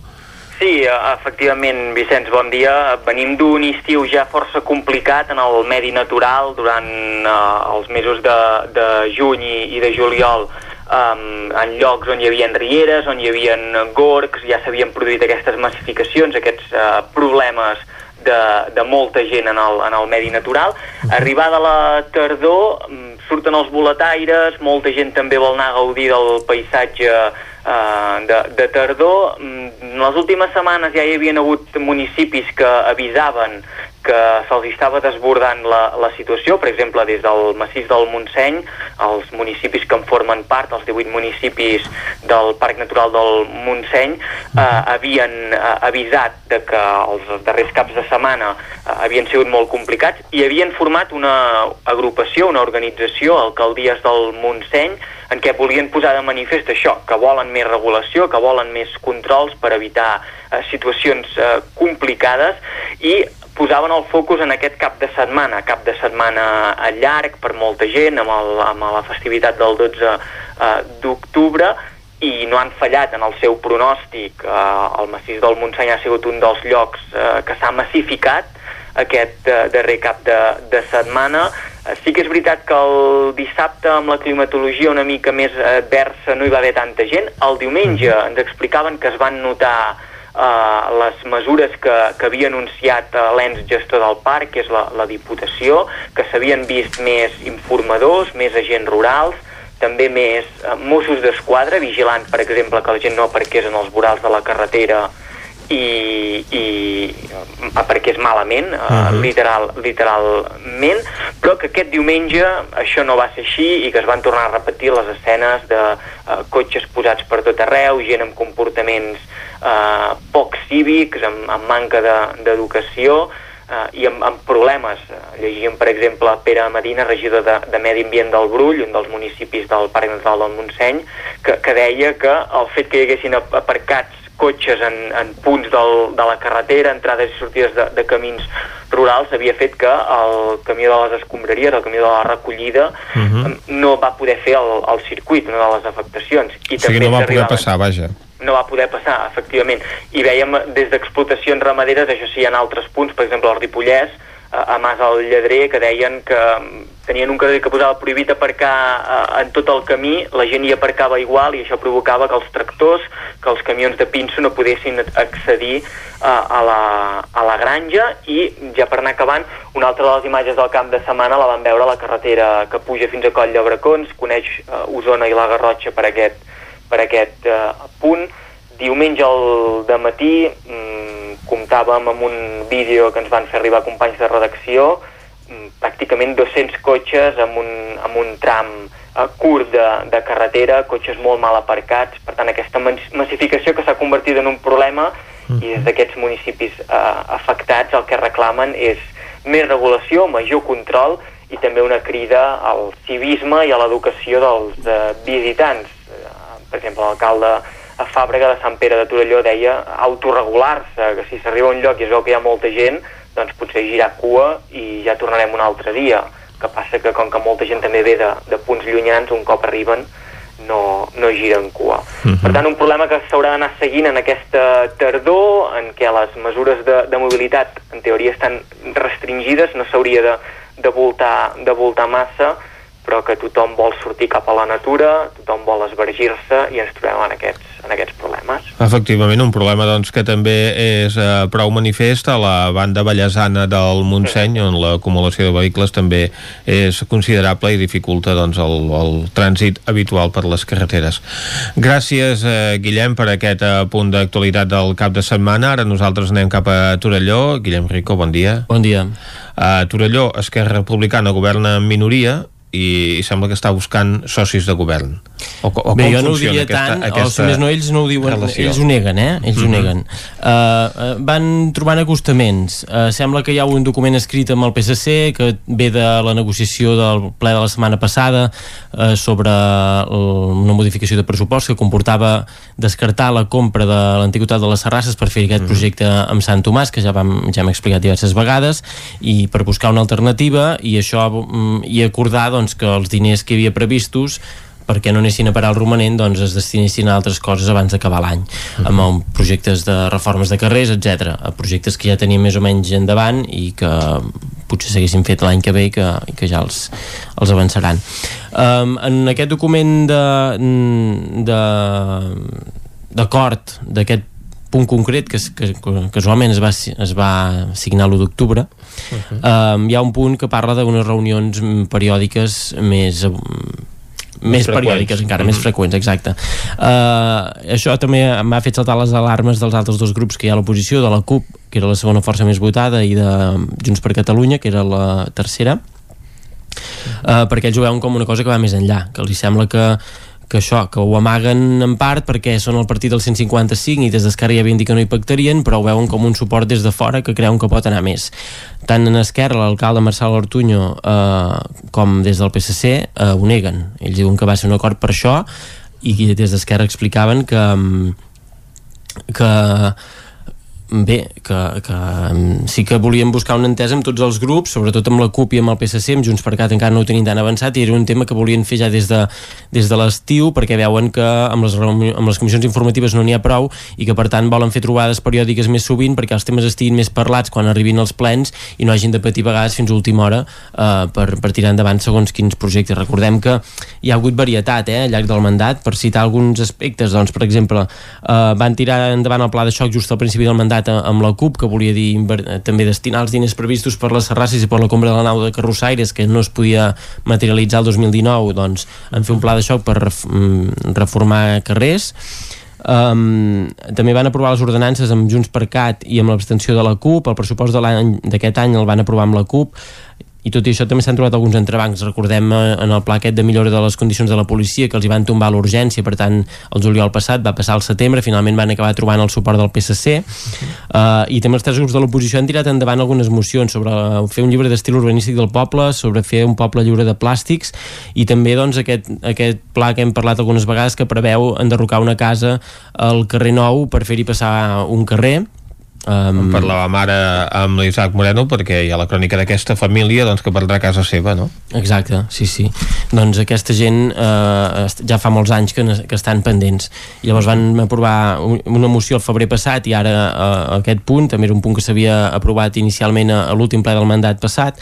Eh, bé, o sigui que ells també han condicionat en part això i suposo que per això doncs, des d'Esquerra de, busquen aquests acords més periòdics. De fet, des de, la CUP, des de la CUP se sorprenien amb aquest acord amb el PSC perquè ells ja havien acordat, tot i que més de paraula, de fer reunions quinzenals de forma això més freqüent, per tant, per poder parlar els temes i, i perquè ells fossin la prioritat a l'hora de pactar eh, i que no els hi posarien tan fàcil com el PSC deien que clar, que si això amb el PSC va més doncs que ells no volen que els tractin igual que els del PSC que diuen que són els del 155 Marçal Ortuño, l'alcalde, diu que ells van decidir governar minoria i que volen arribar així a final de mandat uh mhm. -huh. des del PSC diuen que l'acostament amb Esquerra no creuen que vagi més perquè hi ha el tema nacional i això creuen que, que, que els frenarà per part d'Esquerra, per ells hi hauria voluntat uh, això, de, el que dèiem de la CUP Cesc Marri que porta ho deia que si el govern ens vol tractar per igual amb el PSC no entrarem amb el doble joc que és el que comentàvem abans. I des de Junts per Catalunya els tenen una mica marginats en aquest aspecte perquè ells sí que per ara no han parlat de, de reunions periòdiques més freqüents tot i que sí que a petició de Junts per Catalunya s'han anat trobant per parlar una mica de, ja de començar a treballar les ordenances. Uh -huh que s'han d'aprovar ara les properes setmanes entre aquest mes i el vinent. Però ella, Neus Codina, la porta veu deia que tenia pinta de ser un acord de govern estable amb el 155 per tant ara això, tocarà negociar ordenances que ja s'estan treballant pel que diuen amb Junts per Catalunya tocarà de nou parlar del pressupost ja, ja es veurà què passa. De fet alguns punts eh, que plantegen en aquest acord amb el PSC ja la reforma de l'Avinguda Pirineus els del PSC ho volien fer acordar-ho però mm, via moció perquè això no els lligui de mans per, perquè des d'Esquerra els hi plantejaven posar-ho en el pressupost i això des del PSC ho veien com una manera de, de lligar-los per dir com que hi posem això ara ens haureu de votar a favor del pressupost per tant, uh -huh. um, bé, haurem de veure cap on avança perquè hi ha el tema aquest nacional que pot ser que, que faci que no, si més no que entri el PSC dins del govern pot ser més complicat des de fora eh, doncs potser es veuran més suports o estarem pendents al llarg dels, dels propers mesos, propers perquè ara són temps de negociacions va. als ajuntaments i a la política en general i potser d'aquí en traiem alguna idea més concreta. Exacte, per tant vetllarem a veure com evoluciona tot plegat. I tant que sí, des d'aquí ho anirem seguint. Gràcies Guillem, tanquem aquí la taula de redacció. Territori 17 Busca't la vida amb Cela Falgueres. Doncs Vicenç, un cop tancada la taula de redacció, som dimarts i toca saludar la Xela Falgueres. Oh, i tant. Uh, aquí, això, li diem bon dia ara mateix. Xela, molt bon dia. Bon dia. Molt bon dia, dimarts 13 dimarts de l'any 2020. Dimarts i 13, i tant. Sí, sí. Què pot anar malament? Mm, home, en teoria, no. res. Re, re, o, o tot, re. Escolteu, uh, sí, sí, el tema aquest dels boletaires i això, jo també anava mirant la tele aquest cap de setmana i pensava que haurem d'acabar fent llistes d'esperes i reserves, perquè em sembla una, una animalada, no? Som una, una raça realment que quan ens comportem com un ramat podem ser bastant perillós, eh? En fi. I tant. No, no, no parlem de bolet, Xela, perquè ja est... bueno, tant és. Uh, sí, sí. A, a veure, a veure, a veure, espera, espera, que això ho hem d'aclarir. No, no. Jordi, com va anar el cap de setmana boletari? Això és el que volem saber, perquè... Molt, molt, molt breu resum. I, I vaig anar tant diumenge com dilluns, però a indrets on, evidentment, sabia que em trobaria poca gent, però mentre anava pel camí d'aquests indrets que no desvetllarem, doncs sí que la carretera era un formiguer, és evident. Uh mhm. -huh. I hi ha I... molts accessos i, evidentment, la gent no fa gaire cas de quedar-se a casa confinada o com a molt marxar al costat de casa però bé, això és el que hi ha. I no només això, perquè diria que el pitjor és que molta d'aquesta gent deixen restes, o sigui, com a mínim, si vas al bosc o portes una bosseta i reculles la brossa que vas trobant, però com a mínim no afegeixes residus en el bosc, sisplau. Sí, no, el problema En més fi. que la saturació és l'incivisme, però vaja, això seria molt llarg Sí. i per tant ara no ens hi centrarem pas, sinó que Txela, uh, què ens acostaràs avui? Avui us aporto una... Um, una entre... Bé, totes les entrevistes són uh, extraordinàries, però és que aquesta, per mi, ja és... Anem pujant al nivell. Us porto a mascat.cat, que vol dir Amazing Catalonia. L'entrevista és amb el cofundador d'aquesta plataforma, que quan veieu una mica com va tot, eh, entendreu perfectament de què es tracta, i eh, és d'aquells projectes que, que tenen molt darrere, que val la pena que exploreu. Si us plau, visiteu la web amascat.cat, feu la vostra aportació i, si us sembla, anem a escoltar tot el que ens explica l'Andreu Mas, que no té pèrdua. Vinga, som-hi. Som-hi, som-hi.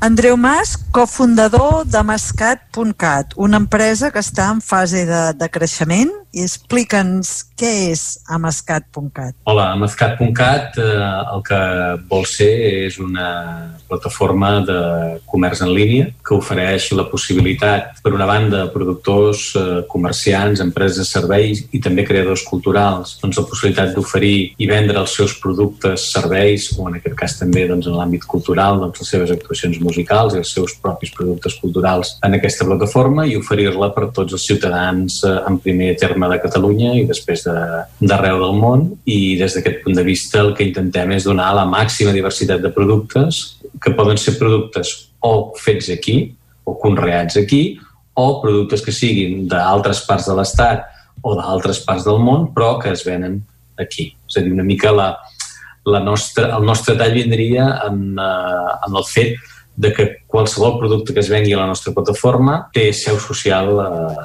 aquí a Catalunya. Per entendre'ns a lo ràpid, si en Jeff Bezos ha fet Amazon, l'Andreu Mas en Company farà amascat.cat, l'Amazon català per donar visibilitat a aquestes empreses de Catalunya perquè els compradors catalans puguem tenir un lloc directe on trobar aquests, uh, aquestes empreses, no? El que hem fet l'equip que, que, que hem impulsat des de fa sis mesos aquest projecte és intentar això, donar, fer que qualsevol persona de Catalunya pugui descobrir que en el seu país es fan coses que estan molt i molt bé i que les pot comprar a preus molt i molt bons també i que per tant podem estar amb una gran i franca competència a nivell de producció i a nivell de consum amb qualsevol plataforma d'arreu del món. El que passa és que moltes vegades això ho desconeixem. En quin procés de, de l'empresa està? Perquè ara si visitem a mascat.cat no hi ha encara els productes per comprar i vendre. Diguem-ne, doncs en quin procés està de, de la gestació i, pel que has dit, si fa cinc mesos o sis que va néixer, entenc que aquest projecte ha arrencat a dins de, del context de la pandèmia. La idea es va gestar a l'inici de la pandèmia i és una idea que venia de temps enrere. Feia molt de temps que, que gent diversa portàvem al cap la, la idea de que havíem d'avançar moltes passes en el front de la digitalització del conjunt del, del país. I aleshores havíem començat a fer unes quantes coses en un altre àmbit, que era més l'àmbit de la comunicació, fent uns diaris especialitzats, que continuem mantenint en actiu, i sempre eh, volíem lligar aquests diaris amb el que després tu poguessis comprar productes que estaven vinculats a, el que estàvem explicant en, aquelles, en aquella informació, de manera que lligàvem el contingut amb la venda. I amb el mes de febrer, més o menys, va ser quan vam començar a pensar, escolta, doncs això ho haurem de fer, hauríem d'anar potser una, una mica més ràpids, perquè aleshores ja es començava a parlar de que hi hauria un confinament, arriba el confinament, i aleshores eh, allò que havia estat un, un parlar més o menys aprofundit eh, s'accelera de manera extraordinària, s'incorpora nova gent al projecte, n'hi ha una que entra, n'hi ha una que en surt, i a partir d'aquí configurem el que actualment és l'estructura de Mascat, que són nou socis, però treballant en aquest projecte hi ha una trentena de persones en aquests moments. Quant temps estimes que faltarà perquè neixi, diguem-ne, la botiga de cares en els compradors que hi ha aquesta part de, de la- de l'e-commerce estigui activat? La, la botiga com a tal, nosaltres contem que estarà llesta com a tard o a finals d'aquest any, sent molt optimistes al mes, a finals del mes de novembre, però molt i molt optimistes. Sent un pèl més realista, segurament ens anirem a desembre i hauríem de veure si no ens convé més eh, sortir al mes de gener per tot la complexitat que té tot el tema logístic eh, al llarg de, de, de les compres de Nadal. És un mes molt bo per sortir i alhora és un mes molt dolent per sortir, perquè les complicacions són màximes durant aquesta, durant aquesta temporada des del punt de vista logístic, que és un dels punts més importants de qualsevol plataforma de venda online. Aleshores, eh, això és així perquè bàsicament estem treballant amb un sistema, amb una codificació, estem fent aquesta plataforma amb un programari que és absolutament nou, que quan estigui acabada la nostra plataforma serà la primera a tot l'estat espanyol que tindrà aquest tipus de codi. És un codi que fins al mes de febrer estava en fase beta per lo que són els dispositius d'ordinador, els dispositius eh, fixes de taula, però que sí que en fase, ja està en fase normalitzada, per dir d'alguna manera, pel que fa a aplicació mòbil. I aleshores eh, nosaltres calculem això en aquests moments el que tu pots veure si entres a mazcat.cat és una pàgina web eh, en la qual nosaltres expliquem quin és el projecte i tenim una part en la qual demanem a les persones que es puguin sentir una afinitat en aquest projecte doncs que facin alguna aportació econòmica per ajudar a que pugui tirar endavant eh, i, i que pugui ser una realitat eh, el més aviat possible. Quan més diners aconseguim recollir per aquesta via, que és una via molt semblant a la del micromecenatge, diguem que és una mm. ronda de finançament, però al final la gent que fa aportacions rep una recompensa, per tant estaríem en l'estructura típica d'un crowdfunding, doncs el que demanem a les persones és que s'hi sumin i tenen diferents maneres de sumar-s'hi amb diferents aportacions i per un altre cantó aquesta web ens està servint per quan contactem amb els productors poder-los explicar d'una manera molt gràfica què és el que som i cap a on anem. I ara, doncs mira, en les pròximes setmanes o en els pròxims dies pràcticament penjarem una, hi ha una demo de com serà la plataforma eh, en alguns apartats, l'apartat de registre eh, i l'apartat del cercador principal, que ara ja es veu una mica en els vídeos que hem penjat, però que ara fins i tot la gent podrà remenar-hi. Una empresa que tingui ganes de, de ser venedor en aquesta plataforma, què ha de fer? Té diverses possibilitats. Una és trucar-nos al telèfon que apareix a la pàgina web, un altre és enviar-nos un correu a info.mascat.cat i l'altre és directament donar-se d'alta amb alguna de les aportacions que hi ha. Hi ha una tarifa que és de 50 euros, que amb aquesta tarifa nosaltres et fem la teva pròpia botiga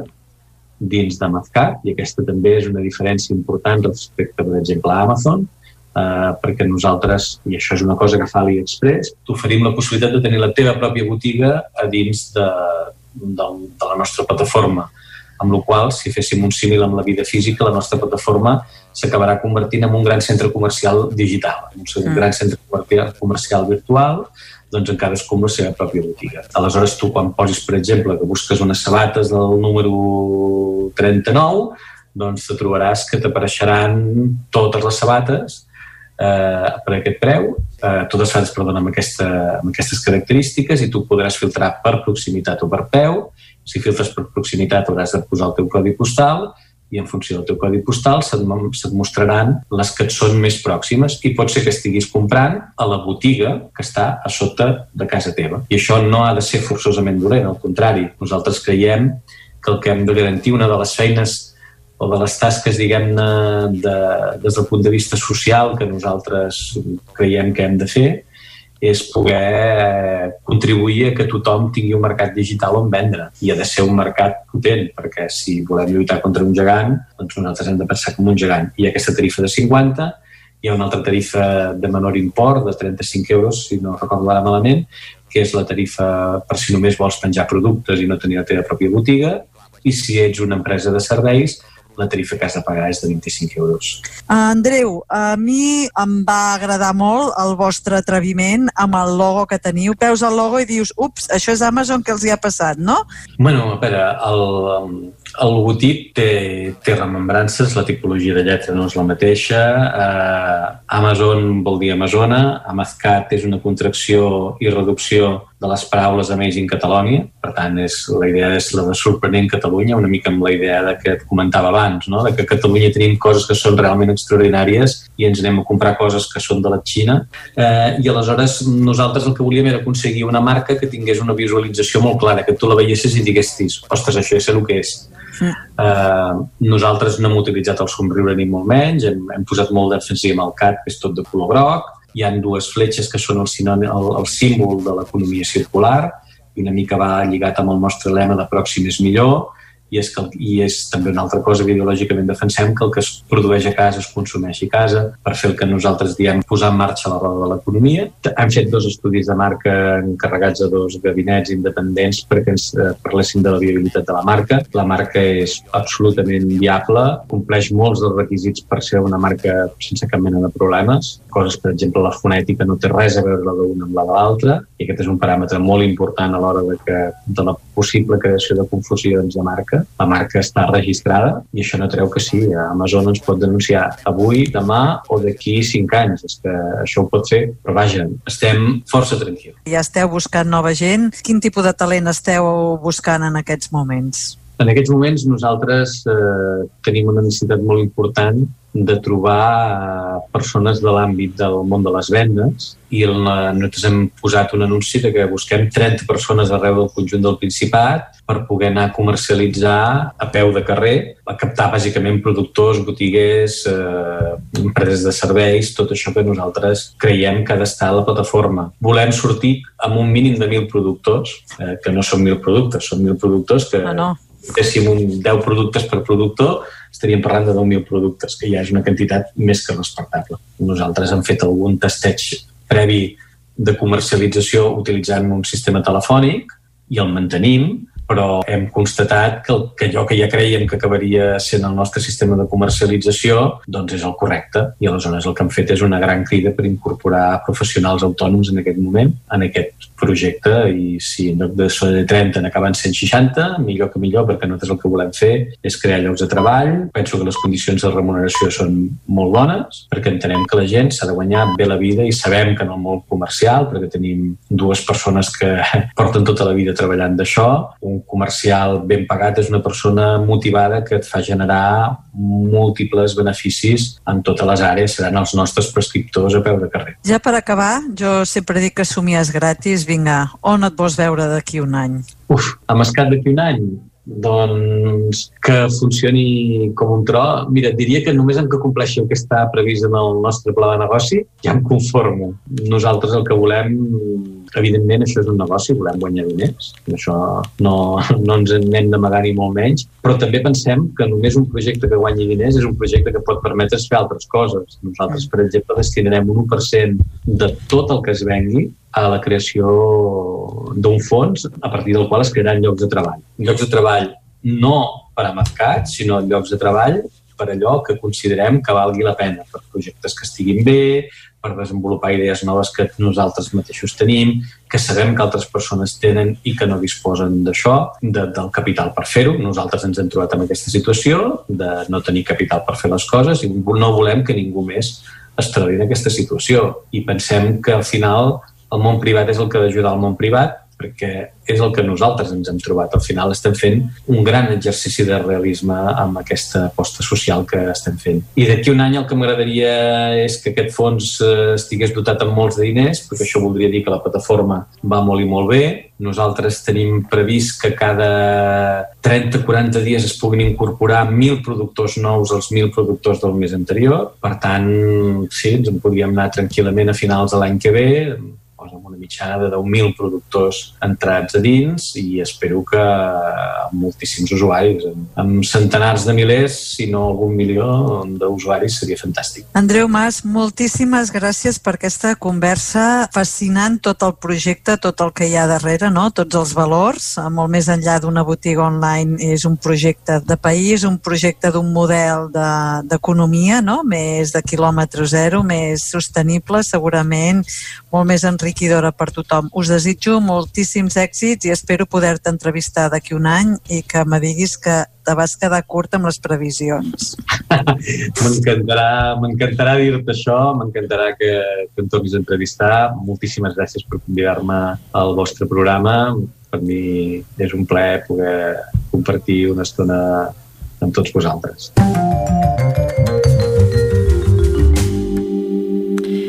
Ja sé que estem en temporada d'anar a caçar bolets, però avui us porto una app per pescar. Mm -hmm. ah. L'app es diu WeFish i és la teva app de pesca. Us confesso, eh? jo no sóc pescadora, però conec gent que és pescadora i crec que aquesta app li fascinarà. Mireu, és una app gratuïta amb compres integrades i està disponible tant per Android com per iOS.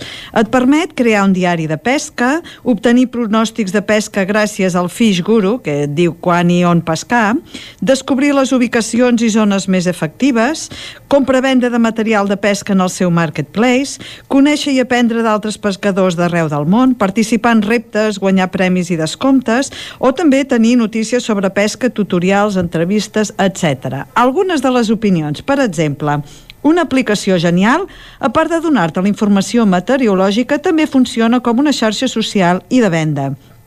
La veritat és que m'ha encantat. Una altra opinió. Una grata novetat, no vaig pensar que fos tan bona. I per acabar, una altra opinió. Excel·lent aplicació, es pot veure el temps, activitat de pesca, onatges, marees, lluna, pressió atmosfèrica, temperatura de l'aigua, etc. I alhora, xarxa social, pots veure les captures de pescadors de tot el món i interactuar amb ells. Resumint, un 10. Com que no l'he provat perquè no sóc pescadora, però veient tot això, la valoració dels usuaris és d'un 4,5. Vinga, anem a les notícies. Passem d'Amascat a Amazon, que ha fet el llançament d'una aplicació de realitat augmentada que funciona amb els codis QR de les seves caixes. Us explico. Es crearan unes experiències de realitat augmentada interactives i compartibles com una manera divertida de reutilitzar les caixes d'Amazon en els que et venen el paquet abans de posar-les al contenidor de reciclatge. Hi ha un vídeo de mostra on pots veure algú que dibuixa la cara eh, sobre una carbassa blanca per, mm, que està impresa per convertir-la en aquesta típica carbassa de Halloween i quan escaneges el codi QR amb aquesta aplicació, aquesta carbassa salta com si fos un objecte de tres dimensions. En una altra de les fotografies de demostració hi ha una carbassa en 3D amb unes ales de rat penat sobre la imatge d'un gos, és a dir, el cap del gos la substituiria aquesta carbassa en tres dimensions amb les ales del rat penat. I finalment, una de les altres aplicacions que tindria mm, aquest eh, escanejat de codi QR seria que si tu et posessis a dins dintre la caixa, evidentment la caixa ha de ser una mica gran, i escaneges, aquesta caixa es converteix en un petit cotxe eh, de color blau de tres dimensions. Ara per ara, aquest llançament, aquesta experiència de realitat augmentada, es limita només a la carbassa, però estic ben segura que Amazon, a un cop passat Halloween, ens sorprendrà amb moltes més novetats amb aquesta app de realitat augmentada. I amb això arribem al final del programa d'avui. Uh, espero que us hagi agradat molt aquesta entrevista amb l'Andreu Mas. Si us plau, mhm. visiteu amascat.cat i deixar-vos sorprendre per les idees que tenen les persones del nostre país i com les idees es transformen en realitats i fan que tots avancem cap a una societat, esperem que més justa i més eh, pròspera per tots plegats. Ens escoltem la setmana que ve. I tant que sí. Doncs, digues, digues, Vicenç. No, no, i tant que sí. La setmana ah. que ve tornem a parlar amb la Xela i ara tanquem aquí aquest Busca't la vida. Correcte, tanquem el Busca't la vida i amb sis minutets de retard el que farem és acostar-vos de nou l'actualitat de les nostres comarques, les comarques del Ripollès, Osona, el Moianès i el Vallès Oriental. Territori 17, amb Vicenç Vigues i Jordi Sunyer.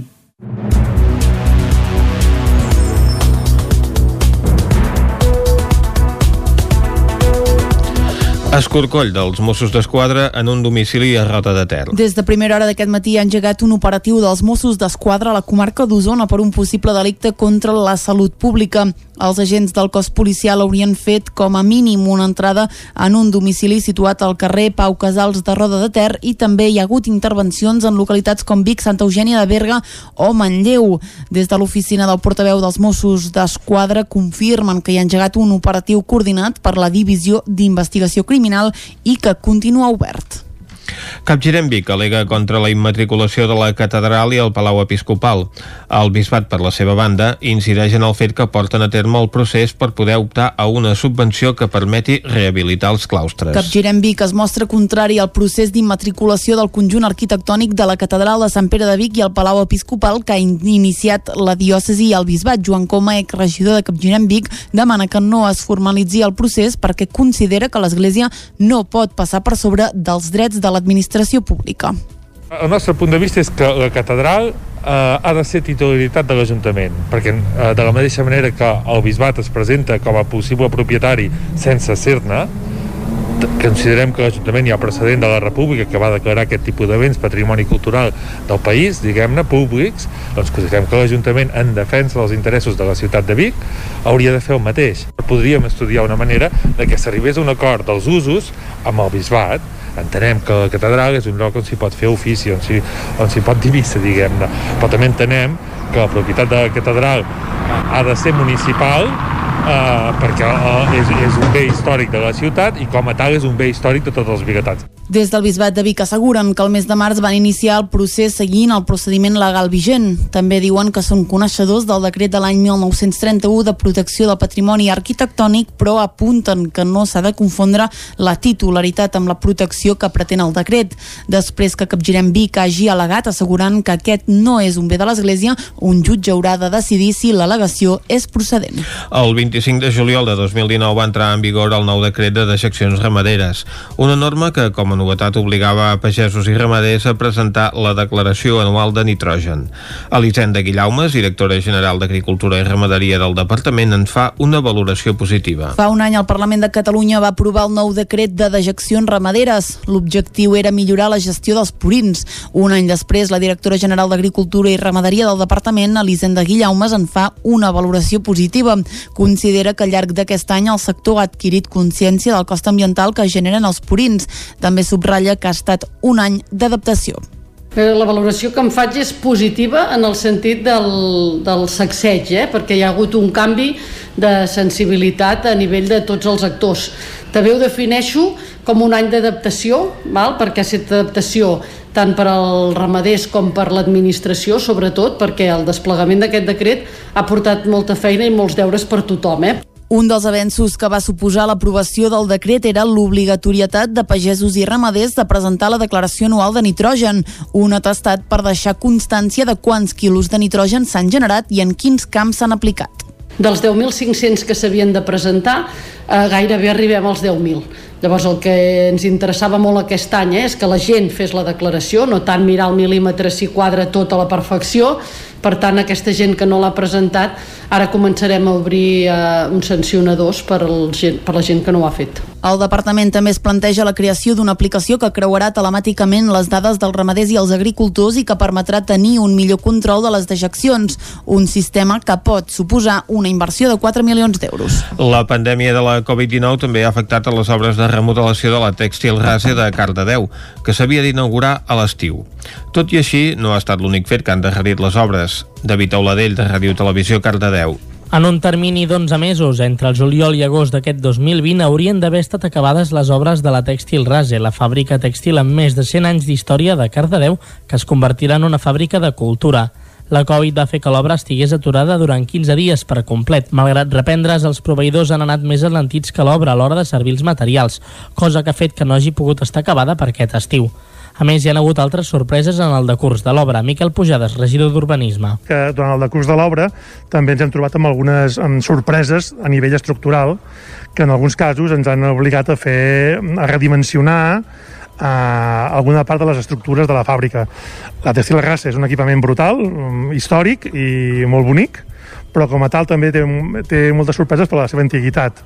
I quan aquí una miqueta ja estàvem ja, diguem, en, en plena obra, i pots aprofundir molt més en l'estat i la qualitat dels materials existents, ens vam adonar que hi havia algunes parts que requeririen uh, un reforç suplementari important perquè per deixar-ho ben acabat, no? I per tant també aquestes unitats que s'han hagut d'incorporar de reforç doncs, també han sigut una altra causa més de, de retard. Si no hi ha més sorpreses, l'obra estarà enllestida abans del Nadal d'aquest 2020.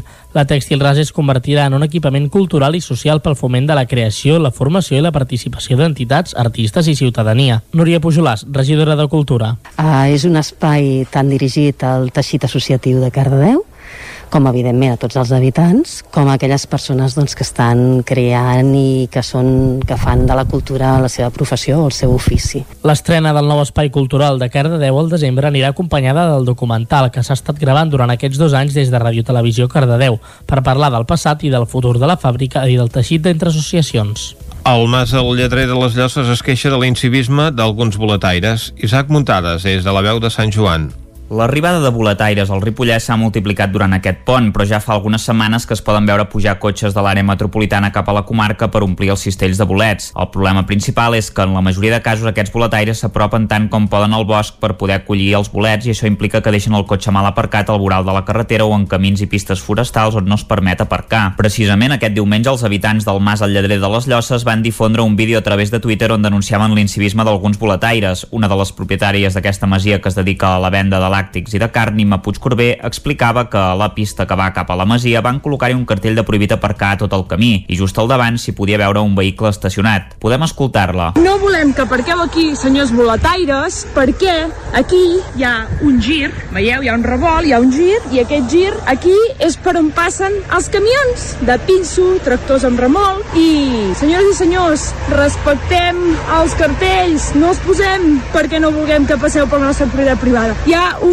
PR que passa pel mig de casa nostra i vegen caminant i no passa res, us deixem passar, però si plau, podem anar a buscar bolets tranquil·lament, si és que volem que vingueu a buscar bolets, però respectant. La piulada va tenir molta repercussió i molts suports de la majoria d'usuaris, tot i que n'hi havia algun que deia que els propietaris del Mas al Lledrer no podien prohibir res perquè el camí era públic i que havien d'avisar que aquí hi havia un gir per camions, un fet que és fals, ja que el camí que porta a la masia és privat. A Campelles també van viure un repunt de gent durant aquest pont per venir a buscar bolets. De fet, la regidora de Junts per Campelles, Judit Cornellà, va denunciar als agents forestals i als Mossos d'Esquadra que s'estaven fent activitats il·legals a tot el terme municipal, com per exemple acampar, encendre barbacoes o aparcar autocaravanes en llocs prohibits. Aquesta setmana el consistori va haver de tancar els refugis de Pla de Prats i de la Cubil i totes les barbacoes que hi ha en aquests indrets per tal de complir la normativa sanitària per prevenir el coronavirus. Però tot i això, s'hi van acostar molts visitants. Sant Feliu de Codines ha acollit aquest dissabte la setena mostra de teatre amateur juvenil de Catalunya. Caral Campàs és d'Ona Codinenca. La setena mostra de teatre amateur juvenil de Catalunya va comptar amb sis grups de teatre distribuïts en cinc actuacions durant el matí i la tarda. Josep Canet, director de Deixalles 81, explica que un dels grups previstos no va poder actuar per un positiu de coronavirus. Bueno, ja sabíem prèviament que un dels grups estava confinat, un dels grups que portava unes obres bueno, confinat, també una, la seva sortida no hi en positiu, un dels grups de Barcelona no va poder pujar, ja el sabíem, la resta va anar tot normal, va inaugurar la mostra a dos quarts de deu del matí el propi grup de teatre amateur de Sant Feliu de Xalles 81 amb l'obra Adolacer 2055. Gairebé totes les actuacions van omplir les sales que tenien capacitat per unes 100 persones. Canet valora així la jornada. Dissabte va ser un dia molt maco, vam començar molt d'hora i, i durant tot el dia va funcionar molt bé, vam tenir gairebé els aforaments plans de totes les, de totes les, de totes les representacions vam veure molt teatre, molt, molt joves, molts ànims, moltes ganes, molt, molt de tot, va estar molt bé, sí, sí.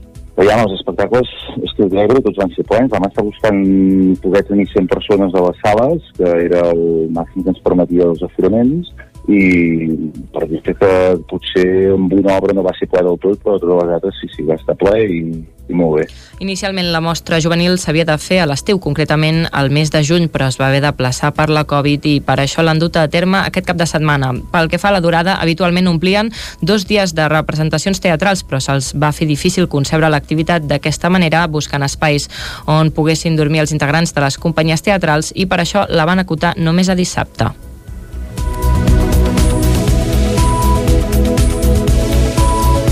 I fins aquí el butlletí informatiu de les 11 del matí. Digues Clàudia Dinarès, David Auladell, Caral Campàs i Isaac Muntades. Ara un molt breu parèntesi i de seguida parlem d'economia, com sempre fem els dimarts, amb el Joan Carles Arredondo. D'aquí mig minut el saludem. Fins ara. Territori 17. Envia'ns les teves notes de veu per WhatsApp al 646 079 023. 646 079 023. WhatsApp Territori 17.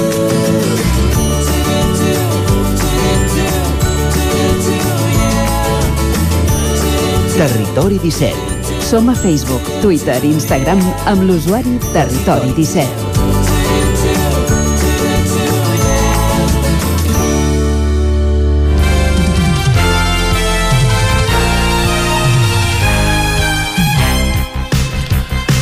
Efectivament, ara que passen dos minuts i mig a un quart de dotze, saludem, com us hem anunciat, en Joan Carles Arredondo. Avui tornem a parlar d'economia com cada dimarts, i en Joan Carles, com que és una persona molt estalviadora, doncs ens posarà de manifest que aquests últims mesos ha augmentat l'estalvi, no, Joan Carles?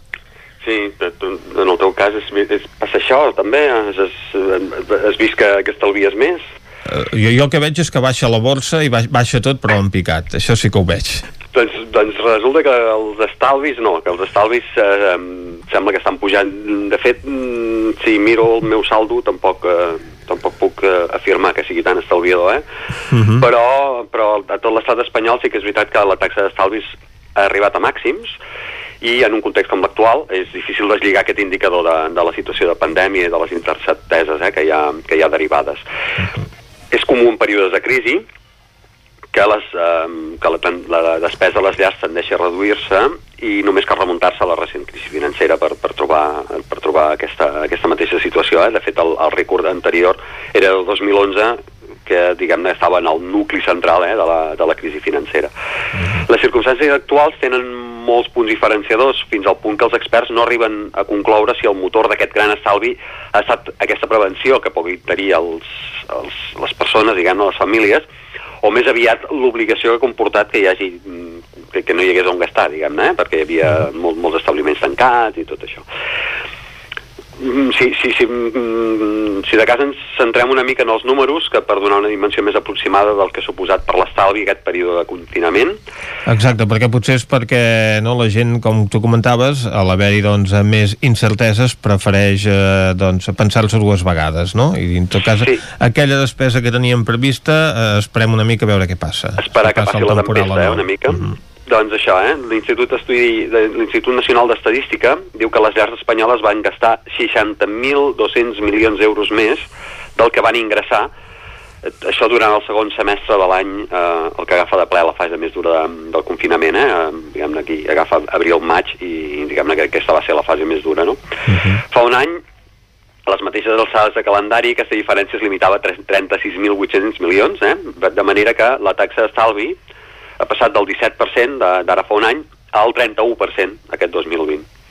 Aquesta situació s'ha donat en un context en el qual, tot i que hi ha una reducció dels ingressos a les llars, que des del punt de vista salarial es quantifiquen un 14%, eh? hi ha hagut un 14% menys ingressos a les, a les llars, la despesa s'ha reduït encara més, eh? ho ha fet un 24%.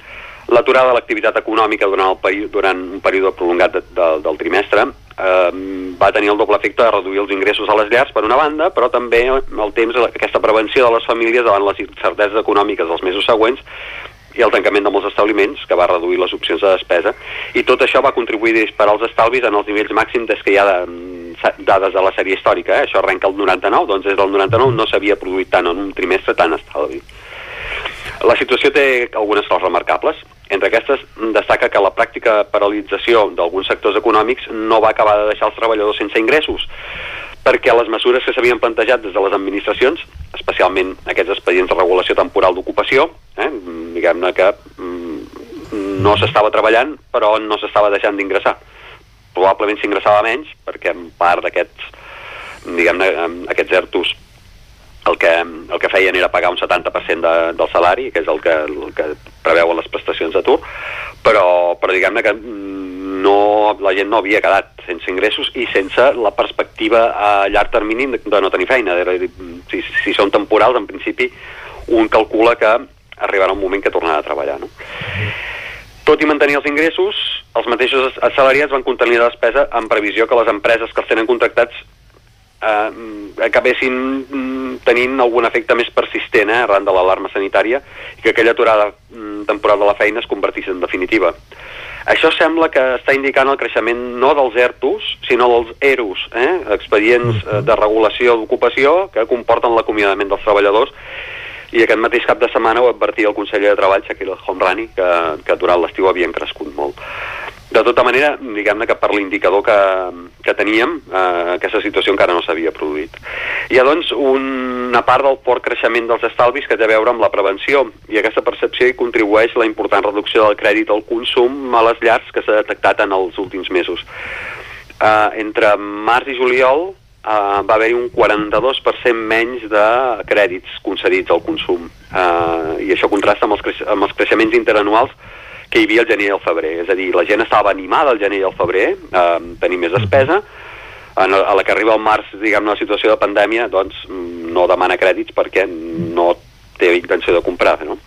I tampoc saps si els podrà pagar, segurament. Ah, exacte, i a més, els bancs que estan tan pendents de localitzar això que en diuen la demanda solvent, eh, que una, va ser una uh mhm. -huh. expressió que va fer èxit eh, en, el, en el període de la crisi anterior, eh, diguem-ne que ja poden estar no sé, poden esperar asseguts perquè diguem-ne que això de la demanda solvent ara mateix no és una perspectiva a curt termini que, que sigui perceptible. Uh -huh.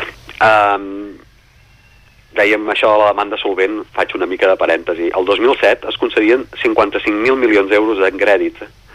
Carai. Eh, I aquest, entre, mm, aquest any, entre gener i juliol, se n'han concedit 9.000 milions.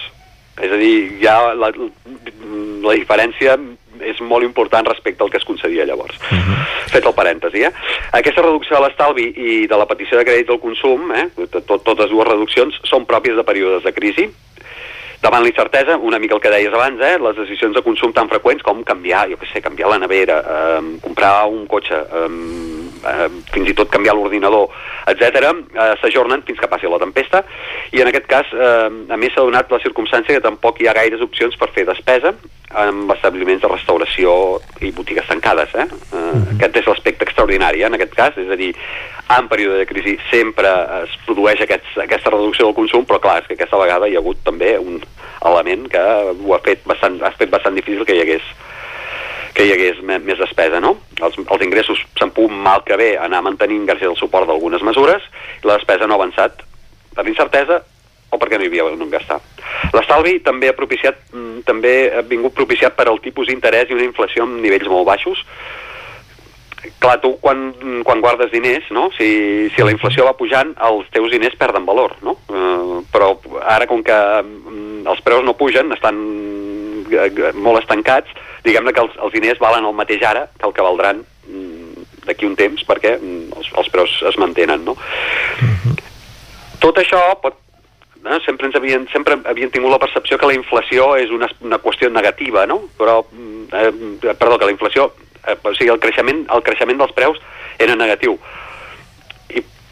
però resulta que el manteniment dels preus també ho és de negatiu, eh? perquè això té uns efectes, mm, diguem-ne, en l'economia que són bastant, eh, bueno, són, són negatius, no? El motor econòmic que suposa la despesa de les llars està, ara s'ha ralentit, no? I si les empreses no venen productes o serveis, difícilment podran suportar els pagaments a treballadors o plantejar-se inversions els preus tendiran a estancar-se o a baixar i això obre la porta més retards en la presa de decisions de compra, no? Perquè dius, home, si aquesta nevera d'aquí dos mesos em costarà menys, doncs m'espero dos mesos. I que això, aquesta situació és la que és coneguda com deflació, i aquest és un fantasma que està sobrevolant no només a l'economia catalana i espanyola, sinó a totes les d'Europa, on el mateix fenomen de, de creixement dels estalvis també s'està produint. Eh? Amb això, diguem-ne, no estem aïllats, eh, a Europa també s'està produint. Uh mhm. -huh. En els primers mesos de l'alerta sanitària, la Cambra de Comerç de Barcelona ja havia pres nota de la tendència i havia conclòs, ho havíem comentat aquí, eh, en un dels informes sobre la crisi del coronavirus, que era necessari que els treballadors que haguessin mantingut els ingressos fessin despesa per quan acabés el confinament, eh? que, mm, una mica per eh, prevenir aquest fantasma de la, de la deflació. El conseller era ben intencionat, però vistos els efectes de la crisi en molts sectors, sobretot el turisme i el comerç, el problema comença a ser un altre, trobar un lloc on poder gastar la pregunta segueix en l'aire. Eh? L'estalvi, els estalvis s'han fet per precaució o per obligació? Diguem-ne que aquesta és la pregunta, mm, en aquest cas, d'aquesta crisi, que potser podrem resoldre els propers mesos.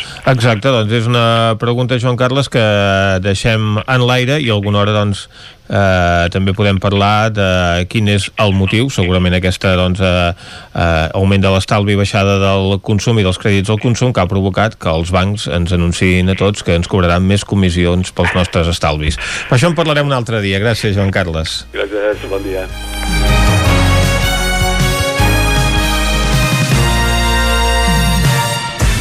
El nou FM, la ràdio de casa, al 92.8. I si aquest any fem el sopar d'empresa al racó de León? Mmm, podrem triar entre confitado de pato con salsa de ciruelas i manzana en compota o cochinillo asado a la castellana con patatas teja i fer un aperitiu amb gambes i navalles. I de segon, filetes de lenguado rellenos de langostinos i muselina de frutos secos. I tot acompanyat del millor celler. El sopar d'empresa, al racó de León. Carrer Torelló 35 de Vic. Telèfon 93 889 1950. Som especialistes en cargols a la llauna. Vine a tastar-los al racó de León. Et costa l'escola? Vine al Magí. T'oferim atenció personalitzada en grups reduïts per descobrir i superar els obstacles per aprendre. Treballarem l'organització, les tècniques d'estudi i diferents estratègies en nivell emocional per encarar les dificultats. Som a Vic, al carrer Bisbe Morgades 12, telèfon 693 75 05 07 o també ens pots visitar al magi.cat. Inscripcions obertes. Cocodril Club. Si t'agrada la bona música dels anys 60, 70 i 80, escolta el 9 FM als matins de dissabtes i diumenges d'11 a 1. És el temps del Cocodril Club, tot un clàssic de la ràdio, amb les bases del pop-rock, les llegendes, les cançons que s'han convertit en autèntics himnes. Recorda, dissabtes i diumenges al matí, d'11 a 1, al 9 FM 92.8. Cocodril Club, el programa revival de l'Albert Malla. Hasta luego, cocodrilo. No em trec la imatge dels nens amb cara de velocitat baixant per la pista vermella. Sí, molt divertit. I quin fred. Uh. Tranquil·la, he deixat l'estufa encesa i la casa està calenta. Sempre tenim sort de comptar amb Corretja. Són especialistes en aïllaments i estufes. Acabar la jornada d'esquí amb la família al voltant de l'estufa i amb aïllaments de primera és 100% corretja. Corretja. Tot i més a corretja-sl.com. Pintures Xavi Soler. Tot en pintures. Façanes, obra nova, rehabilitacions interiors de vivenda, estucs, microciments, pintura industrial, motllures, terres vinílics... Pintures Xavi Soler. Ens agrada assessorar-vos i fer de casa vostra el millor lloc del món. Ens trobareu a Manlleu, al carrer Sogorb 113, telèfon 616 15 87 33 o 93 851 3504. Cada territori té un atractiu o més d'un. El fruit, el paisatge, la seva gent, les pedres... Camins de l'Eix. Descobrint el capital de terra endins. Camins de l'Eix, dissabte a les 9 del vespre al 9 TV. Aquesta setmana al Bisaure, amb el suport de la Generalitat de Catalunya. 7 milions i mig de futurs. El 9 FM. La ràdio de casa al 92.8. Thank you.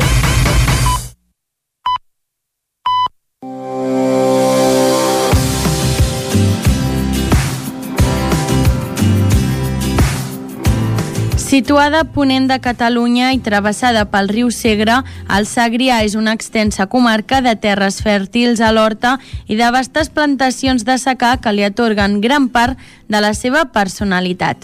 Aquesta setmana, com ja heu pogut intuir, descobrirem la comarca del Segrià.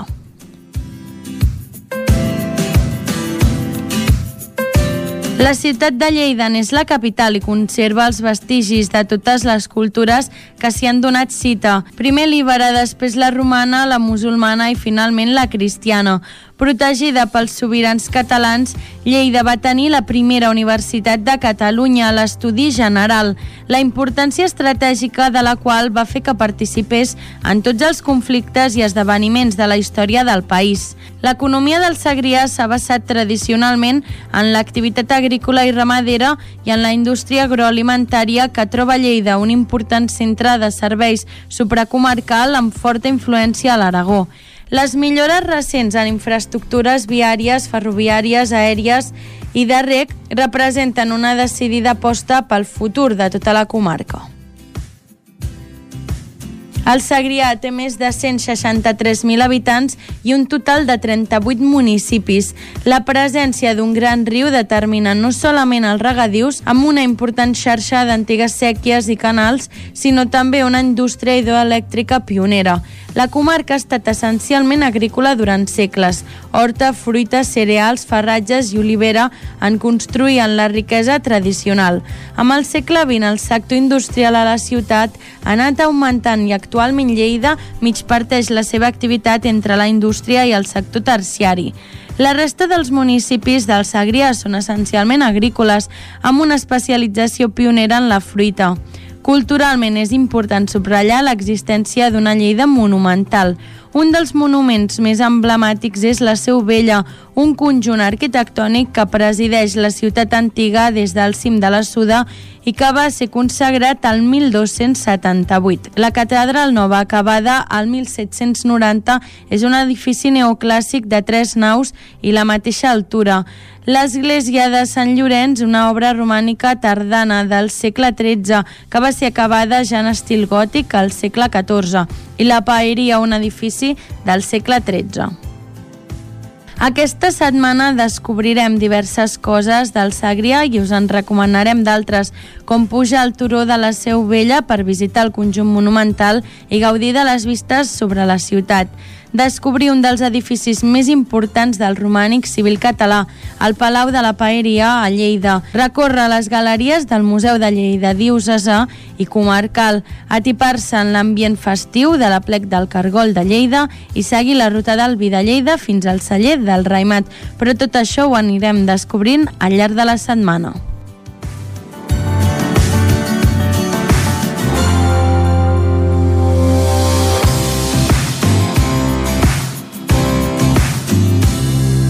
Territori 17. Doncs aquesta setmana que anirem d'excursió pel Segrià per conèixer els seus encants. Està bé, eh, Vicenç, el Segrià. Uh, ben remullat pel Segre, que per això es diu Segrià. Uh, també tenen tren al Segrià. El que no sé és si va amb la puntualitat de la R3 o, o no. Depèn de la línia que agafis. Mm, bé, uh, de moment anem a la R3 Anem-hi. i algun dia potser parlem de trens del Segrià. Ara cap a la R3. A Tren d'Alba. Cada dia els usuaris de la línia R3 de Rodalies que veuen sortir el sol des d'un vagó ens expliquen les gràcies i les penes del primer comboi que uneix Ripoll i Barcelona. Benvinguts a Tren d'Alba. Doncs va, farem un repàs de com li va la Núria amb els viatges que va fer en tren durant la setmana passada. No massa bé, la veritat, ja que els convois van acumular un endarreriment de 47 minuts, que suposen una mitjana de 9,4 minuts de demora diaris, i això que hem de tenir en compte que els divendres va arribar puntual, però la resta de dies van ser força dolents. Dilluns, dimarts i dijous van caure 12, 15 i 16 minuts de retard respectivament, mentre que dimecres només en van ser 4. En definitiva, va ser una mala setmana, que pel que explica avui la Núria, sembla que no millora gens gens ni mica. Bon dia des de l'R3. Avui comencem la setmana amb un nou enfadeu perquè després d'esperar-me potser un quart d'hora dins del tren que ni sortia de Vic, al final he decidit que, mira, per 5 minuts o 10 màxim que faltaven perquè passés el tren directe que va a Barcelona, baixava d'aquest tren, he agafat el següent, que com a mínim m'assegurava que podria seure que no seríem com sardines i que podria estar tranquil·la fins que arribéssim a Sant Andreu Arenal. Ara estic a l'andana de Sant Andreu Arenal esperant un R7 que vingui i que em torni a recular cap a Torrebaró. És una vergonya. És una vergonya que els trens funcionin d'aquesta manera i que no es pugui ni anar tranquil·la. El fet de que hagis d'esperar el tren següent per poder anar tranquil·la i saber que podràs seure i només perquè com que no l'obren en tot el trajecte t'assegures que podràs estar a una distància normal de seguretat i que no t'encomanaràs a ningú, sincerament, és vergonyós. O sigui, porten tot el cap de setmana parlant de que haurem de fer teletreball perquè ara hi haurà d'haver més distàncies i que només se surti per al just imprescindible. Però algú pensa en els trens? Algú pensa en les distàncies de seguretat? És vergonyós. Jo no sé pas com ho haurem de fer tot plegat, però ja us dic que avui ja estic ben enfadada i tot just comencem la setmana. A veure què ens depara aquesta de setmana. Què més us puc explicar? Doncs que el, el viatge ha estat tranquil, perquè és això, no ens han pipat ningú entrant ni sortint. No he pogut seure de cara, m'ha tocat seure de costat, o sigui que tinc un mal d'esquena ja impressionant. I hi ha gent que han pogut aconseguir dormir, hi ha gent que han pogut esmorzar, prendre's la pastilleta de bon matí. En aquest cas, tothom ha estat com molt tranquil i han pogut fer el que, han pogut, el, que tocava. Jo no m'atreveixo fa mesos a obrir la boca a dins del tren, però en aquest cas hi ha hagut un senyor molt valent que ha decidit que esmorzava. I em sembla que no us he d'explicar res més. Me'n vaig cap a la feina a veure si puc arribar a una hora mínimament decent i a veure si demà us puc donar més bones notícies. Bon dia des de l'R3 o ara R7. Vinga, fins demà. Adéu-siau. Ja ho veieu, els trens, com aquell qui diu, ja no surten i la Núria, cansada d'esperar, ha decidit que valia més agafar el tren directe que sortia un pèl més tard però li garantia arribar abans de la feina. El servei va cada dia pitjor i sembla que la situació no es reverteix. Va, ens retrobem demà i recordeu que ja portem acumulat un retard de 2 hores i 37 minuts des de l'inici d'aquest mes de setembre. Territori 17.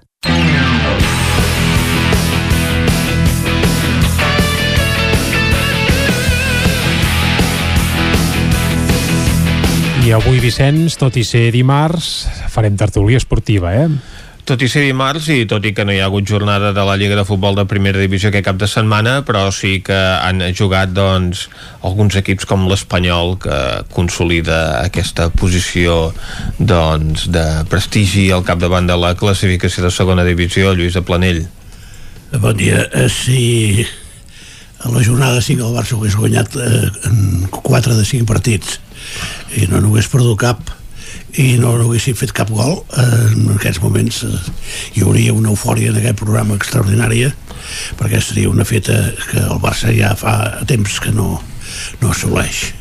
I llavors vull dir que també s'ha de valorar el fet de que altres equips ho aconsegueixin altres equips ho aconsegueixen però en d'altres categories. Bé, però el pressupost també és entre 1.000 milions i 45 hi ha una diferència, no? Per tant, l'Espanyol amb aquest pressupost ha, ha de guanyar de carrer la Lliga de segona divisió perquè el seu pressupost és el més elevat de la categoria. Això sembla, això sembla, això sí, això sí que és veritat i de moment ho està fent.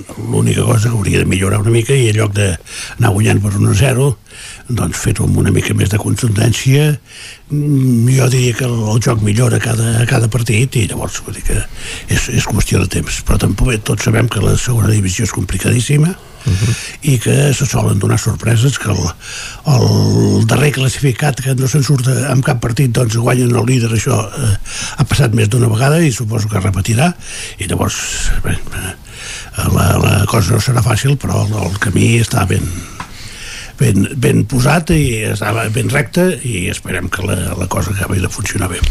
Doncs per posar els punts sobre les is tenim en Guillem Freixa i tenim, tenim també l'Isaac Muntades que ja veieu que en Lluís doncs, està celebrant que l'Espanyol vagi líder de segona divisió. Um, jo, jo li dono la raó en, en que té molt mèrit el que està fent l'Espanyol i ell ara deia, feia aquesta crítica que l'Espanyol va guanyant 1-0 però eh, jo sí que sempre és millorable eh, el joc, és obvi, és obvi que, que millor guanyar per 5-0 que per 1-0 però hi, hi posaria importància en aquest fet, en el, en el 0 um, per motius laborals, també perquè m'agrada, fa anys que vaig seguint la segona divisió, jo crec que el, el factor diferencial entre els equips que estan a dalt i els que estan a meitat de la taula o que no passen de la mediocritat és la fiabilitat. I la fiabilitat vol dir marcar gols però a segona divisió crec que és molt important no encaixar-ne. I l'Espanyol jo crec que sap on ha aterrat sap que ha aterrat a segona divisió i jo posaria, diguem, la, la nota destacada en aquest fet, que després de cinc partits no hagin encaixat eh, cap gol, i jo crec que aquest pot ser el factor diferencial amb la resta d'equips, de, perquè de plantilles potents sí que és que l'Espanyol està un pas per endavant, però en els últims anys hem vist plantilles molt potents que no se n'han sortit. La temporada passada la Girona mm, tenia molts noms i no se'n van sortir. El Deportivo va acabar baixant a segona B i a priori, a principi de curs, era una plantilla que miraves nom per nom i era competitiva. El, el Màlaga abans de tots aquests problemes econòmics que l'afecten ara, igual, vull dir que tenim exemples de plantilles als últims anys que estaven fetes o estaven pensades per pujar, amb noms molt destacables, i que es van quedar eh, amb les a les portes en el cas del Girona o eh, que van fracassar estrepitosament eh, com el Deportivo, el Màlaga i, i tants d'altres. Per tant, jo crec que l'Espanyol, més enllà de fer una, una plantilla amb noms, amb, amb qualitat, crec que ha fet un, un bloc sòlid. I aquí és on, on posaria el fet diferencial respecte a la resta de, d'equips, perquè segurament per darrere tindrà eh, l'Sporting, crec que ara és el segon, el mm. Mallorca també se li pot acostar, però que aquesta solidesa que té l'Espanyol i que ha mostrat en aquests primers partits, que són, són un equip fet, de moment no ho tenen els altres rivals i això crec que marca la diferència eh, en, el, en el conjunt perico. El que passa que tu ja ho saps per l'experiència del Girona i no solament de, de la temporada passada sinó d'altres anteriors que ha estat a segona A uh -huh. i també amb un, amb, diguem, sent un dels favorits i llavors no se n'ha sortit és per la dificultat mateixa que té aquesta, aquesta segona divisió que des de que es van fer aquesta barrabassada de, de posar-hi 22 equips doncs eh, encara la fa molt més complicada, molt més difícil i llavors la, la sorpresa es pot donar en, quals, en qualsevol moment. Sí, el que passa que aquests partits que l'Espanyol ha guanyat 1 a 0 eh, els podia haver perdut o empatat i estaríem parlant d'una cosa i no, no, els ha guanyat. Vull dir, els ha guanyat perquè ha estat bé a darrere, perquè ha tingut l'encert, el que fa Raúl, de Tomàs aquesta setmana, crec que és de, de geni, vull dir, la, la sang freda, el, el retall, vull dir, tot el que fa Raúl de Tomàs en aquesta jugada és de, de geni. Jo crec que aquests dos factors, la qualitat a davant i aquesta fiabilitat, eh, fan que vagin sumant i que per poc eh, tinguin aquest plus més d'una mica més d'encert, una mica més de millorar el, el joc, estem a la jornada 5, que l'Espanyol no ha de tenir problema, jo crec, per, per lligar la, la primera posició, perquè aquesta segona divisió, no sé si esteu d'acord, jo crec que hi ha equips que estarien a, a mitja taula primera divisió, l'Espanyol jo crec que aquest any amb la plantilla aquesta que té i veient els equips que també hi ha a, a primera divisió, jo crec que se salvaria a primera, a primera divisió, però en aquesta segona divisió jo crec que també hi tenim equips que competirien eh, justet en la classe mitja de la segona divisió B. Hi han plantilles que han pujat, que pràcticament no s'han reforçat, uh -huh. hi han hagut molts pocs moviments i això els converteix en, en equips de segona B que estan jugant a segona A, jo diria, eh? Bàsicament. I és que a més aquest playoff que han fet per, per pujar a segona, a segona A, mm. eh, llavors també a vegades desvirtua una mica una competició llarga com és, com és una, una lliga. En aquest sí. cas la Lliga de segona B que té 20, 20 equips, ja no són 22 que, eh, que sembla que, que sigui una tonteria però en realitat són 4 jornades més, és un mes més de competició i per tant eh, vull dir, aquest, els play-offs aquests eh, sí, ja ho entenc que des del punt de vista mediàtic són molt interessants però eh, no sé si acaben de ser justos o sigui que en, en definitiva la Lliga és el que hauria de demanar però esclar, si està eh, establert així des, de, des del primer dia doncs s'ha de fer s'ha de fer d'aquesta manera. Però estarem d'acord que no tots els equips eh, que van jugar al, al play-off d'ascens de segona B a segona A eh, o, o no potser tots els equips eh, que eren millors van aconseguir l'ascens i d'altres que potser s'ho pel que havien fet a la Lliga regular em refereixo no, no ho van aconseguir Sí, sempre l'ascens de pujar a segona sempre és, eh, diguem-ne, complicat de, de poder fer una anàlisi eh, diguem-ne, una mica concret de si són els millors de segona B els que han pujat a segona A, però crec que la temporada passada això es va accentuar per això que deies ara, ara Lluís, que tot es va concentrar no, en, en poques setmanes, no hi havia el factor camp que tan decisiu acaba sent també en aquests, en aquests play-offs, i que ho ha d'estirotar una mica tot. I jo crec que, que ha produït aquest, aquest escenari eh? que, que a segona divisió A tinguem equips que s'hi han colat i que potser mm, no s'ho acabaven d'esperar o que no, no, no ho tenien com l'objectiu. Hi havia per exemple l'Atlètic Balears que fa anys que intenta pujar i no acaba de pujar mai. I en canvi potser el Sabadell l'any passat no acabava de ser l'any de, de fer el salt i el va acabar fent. Per tant, eh, com bé dius eh, que, que es va destirotar una mica tot i ha fet que aquesta segona A quedi amb, amb, amb blocs molt diferenciats. Uh, L'Espanyol, l'Sporting, segurament s'hi enganxarà el, el Mallorca, uh, aquests equips estaran a la part alta amb un, amb un rendiment i amb unes plantilles d'un potencial concret i en canvi a la part baixa potser hi trobarem això, eh, el Sabadell, el Logroñés, equips, eh, el Lugo crec que també ha començat força malament i, i pot quedar allà encallat i que el, el nivell serà molt, molt diferent. I a primera igual, a primera jo veig l'Elx, per exemple, que que ja ho hem parlat algun cop, que s'ha trobat a primera, però no era un equip eh, pensat per fer el salt a, a primera, i serà un equip que jo crec que navegarà durant tota la temporada per, per la cua de la, de la primera divisió. Jo, de totes maneres, penso que els, els grups de segona B és com barrejar pedres amb pomes, que no pot ser perquè el grup andalús no té el mateix nivell, i no dic ni, ni més alt ni més baix, sinó no té el mateix nivell que el grup de, de, de Catalunya, o dels països catalans, en definitiva, uh -huh. perquè també hi ha els balears, vull dir que, eh, i, el, i els valencians. Vull dir, I al País Basc també hi ha un altre tipus de futbol que no té res a veure amb els catalans o amb els andalusos. I llavors, és clar, en el moment del playoff es fa una barreja que allà s'ho troben, no? De fet. Sí, sí. De fet, el, si realment és així, allà s'ho han de trobar. Els bascos, els bascos no són pas els que eh, més ben parats en surten, perquè eh, el Baracaldo, per exemple, que ha jugat dues promocions i les ha perdudes totes. I em, em penso que sempre amb equips catalans, vull dir que, uh mhm. -huh. que eh, és, és complicat, això. Uh -huh. Isaac Muntades, que eh, no t'hem sentit i el Madrid també va primer de la seva lliga. I, i això que en, en Raül entrena al Castilla, tu. Va, va primer i, i, i ho seguirà anant uns quants dies més perquè com que s'ha fet aquesta aturada de, de seleccions que ostres, són aquelles aturades que sap greu perquè ara que havia tornat a començar la Lliga i amb tots els problemes que tenim de calendari, que si en algun moment doncs, es produeix alguna el, bueno, Déu no ho vulgui, eh, però alguna infecció en alguna plantilla després s'han de s'han d'aplaçar partits com ja, com ja ha passat per exemple en la Lliga de, de bàsquet doncs aquestes mhm. aturades de seleccions no, no van gens bé pel, pel calendari, eh? això no, I en no hoquei sé si patins també ha passat eh, i en hoquei patins s'han suspès partits, avui el Middleton doncs, ha d'abandonar el Giro també per un cas de coronavirus, Clar. vol dir que en el món de l'esport ens anirem trobant amb casos sí, sí. d'aquests que alteraran els resultats però eh, quedi clar que l'Embarba sí, sí. tenia, tenia coronavirus i simplement no va jugar i el partit es va, es va jugar no, no, normal i corrent vull dir, un jugador espanyol tenia uh -huh. el coronavirus i no, en cap moment sí, sí, es va parlar però... de suspendre eh?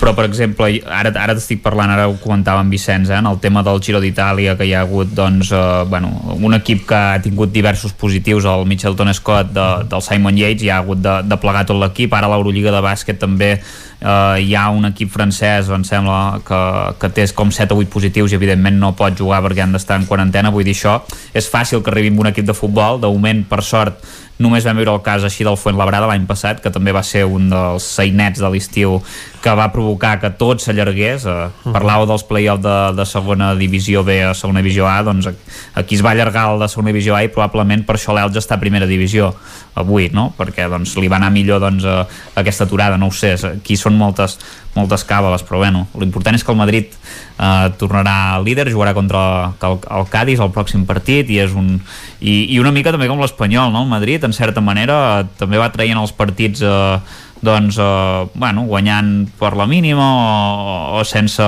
fer un gran futbol però demostrant que té molta fiabilitat i que en els moments importants doncs, sap, sap competir i, i això és el que de moment ens fa ser líders i, i ho hem d'aprofitar, no? aquesta dinàmica positiva de l'equip. El dia 24 sembla que serà un, mm. una pedra de toc, no?, per, per això, per saber aviam què sí. passarà. Amb els dos. Sí, jugarà contra el Barça, a més a més el, el Barça també estarà en un ambient així enrarit perquè és, no sé si aquell dia o aquell cap de setmana es farà la moció de censura o serà el següent, no, no s'ha decidit encara em sembla, però, però sí, és un bon moment per donar una estocada no, en el Barça, no? que sembla que... Home, semblava que havia començat... No, però, no, però Guillem, semblava que el Barça havia començat molt bé i, bueno, sí. ja va empatar l'altre dia amb el Sevilla, no va acabar de fer el millor partit que tothom esperava, hi ha jugadors que comencen a desafinar una mica, uh, Griezmann sí, no, no està bé, Home, el Barça, no el Barça ha perdut tants, tants punts com el Madrid. Aquí, com... Bueno, però de moment té un partit pendent que potser també el perdrà, que jo crec Clar, que sí, eh? no. l'Elx és un gran equip. Amb l'Elx. Sí, és un gran sí. equip l'Elx. bueno, 1-0 en el Gamper, eh? Vull dir, no rieu tant, eh? Que... No. Ja us ho trobareu. En tot cas hem de riure del Gamper. Sí, exacte. No del resultat. Exacte. I crec que el catastrofisme que transmets cap al Barça, Isaac, que és, és digne de, no sé, de, de portar, no?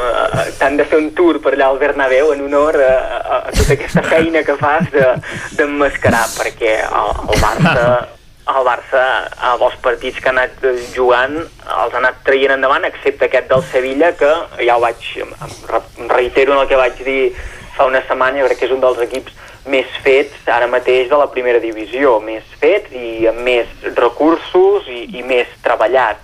Per tant, mm, davant d'un equip que venia d'una desfeta que semblava que s'havia d'enfonsar el club, eh, començar amb dues victòries i un empat contra un dels equips que segur que estarà entre els quatre primers de la, de la Lliga, no ho veig un drama i evidentment d'aquí dues setmanes serà una bona pedra de toc, però en la Lliga no serà definitiu per cap dels dos i jo crec que aquest any eh, hi hauran sorpreses eh, en el sentit que eh, Barça i Madrid podran ensopegar contra altres equips perquè la temporada és així rara, tant Madrid com Barça no estan en el millor moment i, i també pel tema de, de la Covid, perquè segur que hi haurà afectacions en la plantilla del Barça, en la plantilla del Madrid, en totes les plantilles en què, igual com hi han lesionats, hi haurà jugadors que per eh, sospitós o per positiu en algun partit concret no podran, no podran jugar. I d'aquí dues setmanes, òbviament, sempre té aquest morbo, els clàssics de,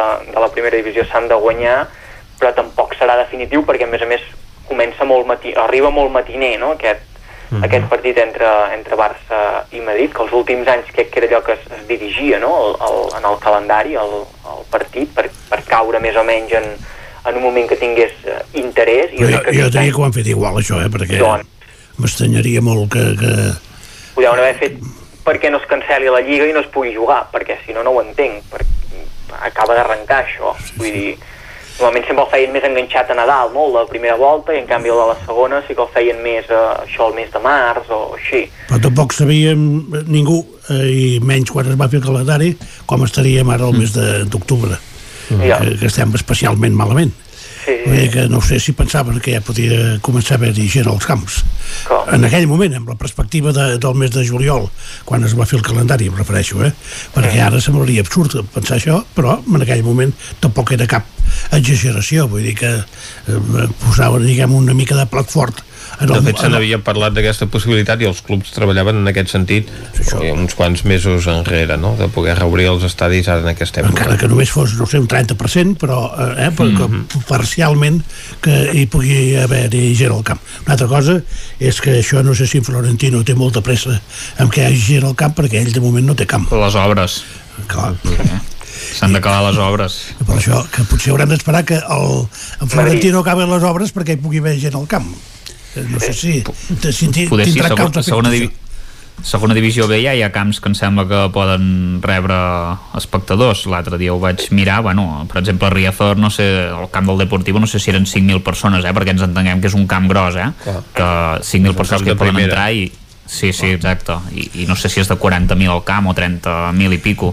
Però, clar, una cosa és segona divisió B i l'altra és el futbol professional, no? que de moment doncs, sembla ser que no, no deixen, però, però bé, hi ha, hi ha partits de seleccions com l'altre dia a Portugal que va haver-hi espectadors en el Portugal-Espanya, per exemple o Espanya que jugarà contra U U Ucraïna, Ucraïna. amb, amb, amb 30.000 espectadors o 20.000 o o Bé, una cosa així, vull dir. Aquests països eh, de l'any... Sí, no, allà s'ho passen tot pel forro, eh? No, no, clar. Eh, Evidentment, allà el coronavirus no existeix, es cura amb vodka. No, potser hauran d'adaptar aquí això. No donis idees que... No, però sí que s'hauria de començar no seria la millor solució. a unificar criteris, ja no et dic, eh, entre països, sí. que com bé diuen l'Isaac, eh, potser eh, cada país eh, pren les mesures que pren i fa el control que, que fa de la situació, però, per exemple, entre disciplines potser sí, perquè no s'entén que, no sé, aquesta setmana a primera catalana segurament amb infraestructures més eh, precàries o amb espais fins i tot més reduïts hi hagi públic a tots els estadis. A segona B i tercera possiblement també en molts d'ells es pugui deixar entrar públic. I en canvi el futbol professional que encara que fos molt reduït potser es podria controlar més l'entrada i sortida de, de les persones. Ja dèiem allò de l'entorn eh, la, la setmana passada però que es podria controlar, si més no, eh, en l'espai proper a l'estadi, a dintre l'estadi, que no, que no hi hagi un criteri, diguem, definit, ni sembla que vagi a curt termini per, per tenir-lo. Tot i això, 10, 20 o 30.000 persones són gent. Sí, però... Sí, potser... depèn en quins camps, eh, per això, perquè evidentment una no, no, cosa ja no, només nou... per, ja, no només, no, ja no només per les dimensions de la graderia, sinó del propi entorn sí, sí. al voltant de l'estadi, de sí, la gent que s'hi acumula. Exacte, sí. sí. El, però, per mi, eh, per mi el problema és a la sortida perquè a l'entrada sí. eh, ja es fa escalonament. Eh, exacte. No, no, no, o no, o no, perquè si la gent s'acumula a les entrades on s'han de fer doncs, a proves de, de temperatura i la gent s'hi va acumulant, doncs pot passar però, però exactament això, el mateix. Això, a les entrades et poden marcar la distància de seguretat mm. i, i amb, amb el personal que hi ha segur que les respectes. Però jo penso que el problema és la sortida, perquè tothom no solament vol marxar al mateix temps, sinó que vol agafar el cotxe al mateix temps i eh, fan cua al mateix temps, perquè, és clar com que tothom surt eh, junt, doncs passa això. I per mi la dificultat eh, grossa és eh, a la sortida dels estadis, i com dius, Vicenç, 30.000 persones, són molta gent, uh. -huh. i encara que, la, un estadi al, al, al voltant de l'entorn de l'estadi sigui eh, gran i, i, i ampli, doncs, esclar, 30.000 persones són són 30.000 persones, és una xifra, una xifra important. Doncs eh, Lluís de Planell, moltes gràcies per acompanyar-nos, Guillem Freixa, Isaac Muntades, gràcies eh, també per haver aportat el vostre punt de vista sobre l'actualitat d'aquesta temporada de futbol. I tornarem la setmana que ve, ja hi haurà hagut Lliga aquest cap de setmana de primera divisió. I de segona, tant, i de segona. De segona evidentment, mm -hmm. aquesta, com tu comentaves com que són quatre partits més, aquests doncs no, no poden fer festa. Doncs gràcies a tots plegats, tanquem aquí aquesta tertúlia esportiva, avui excepcionalment aquest dimarts, tanquem també el Territori 17.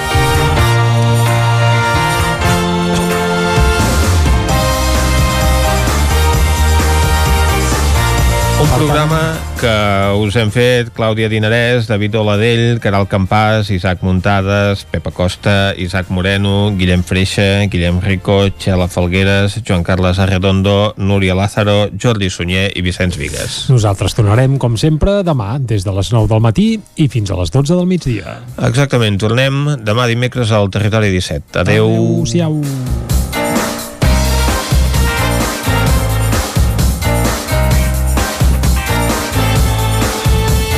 Territori 17, un magazín del nou FM. La veu de Sant Joan, Ona Codinenca i Ràdio Cardedeu amb el suport de la xarxa. El nou FM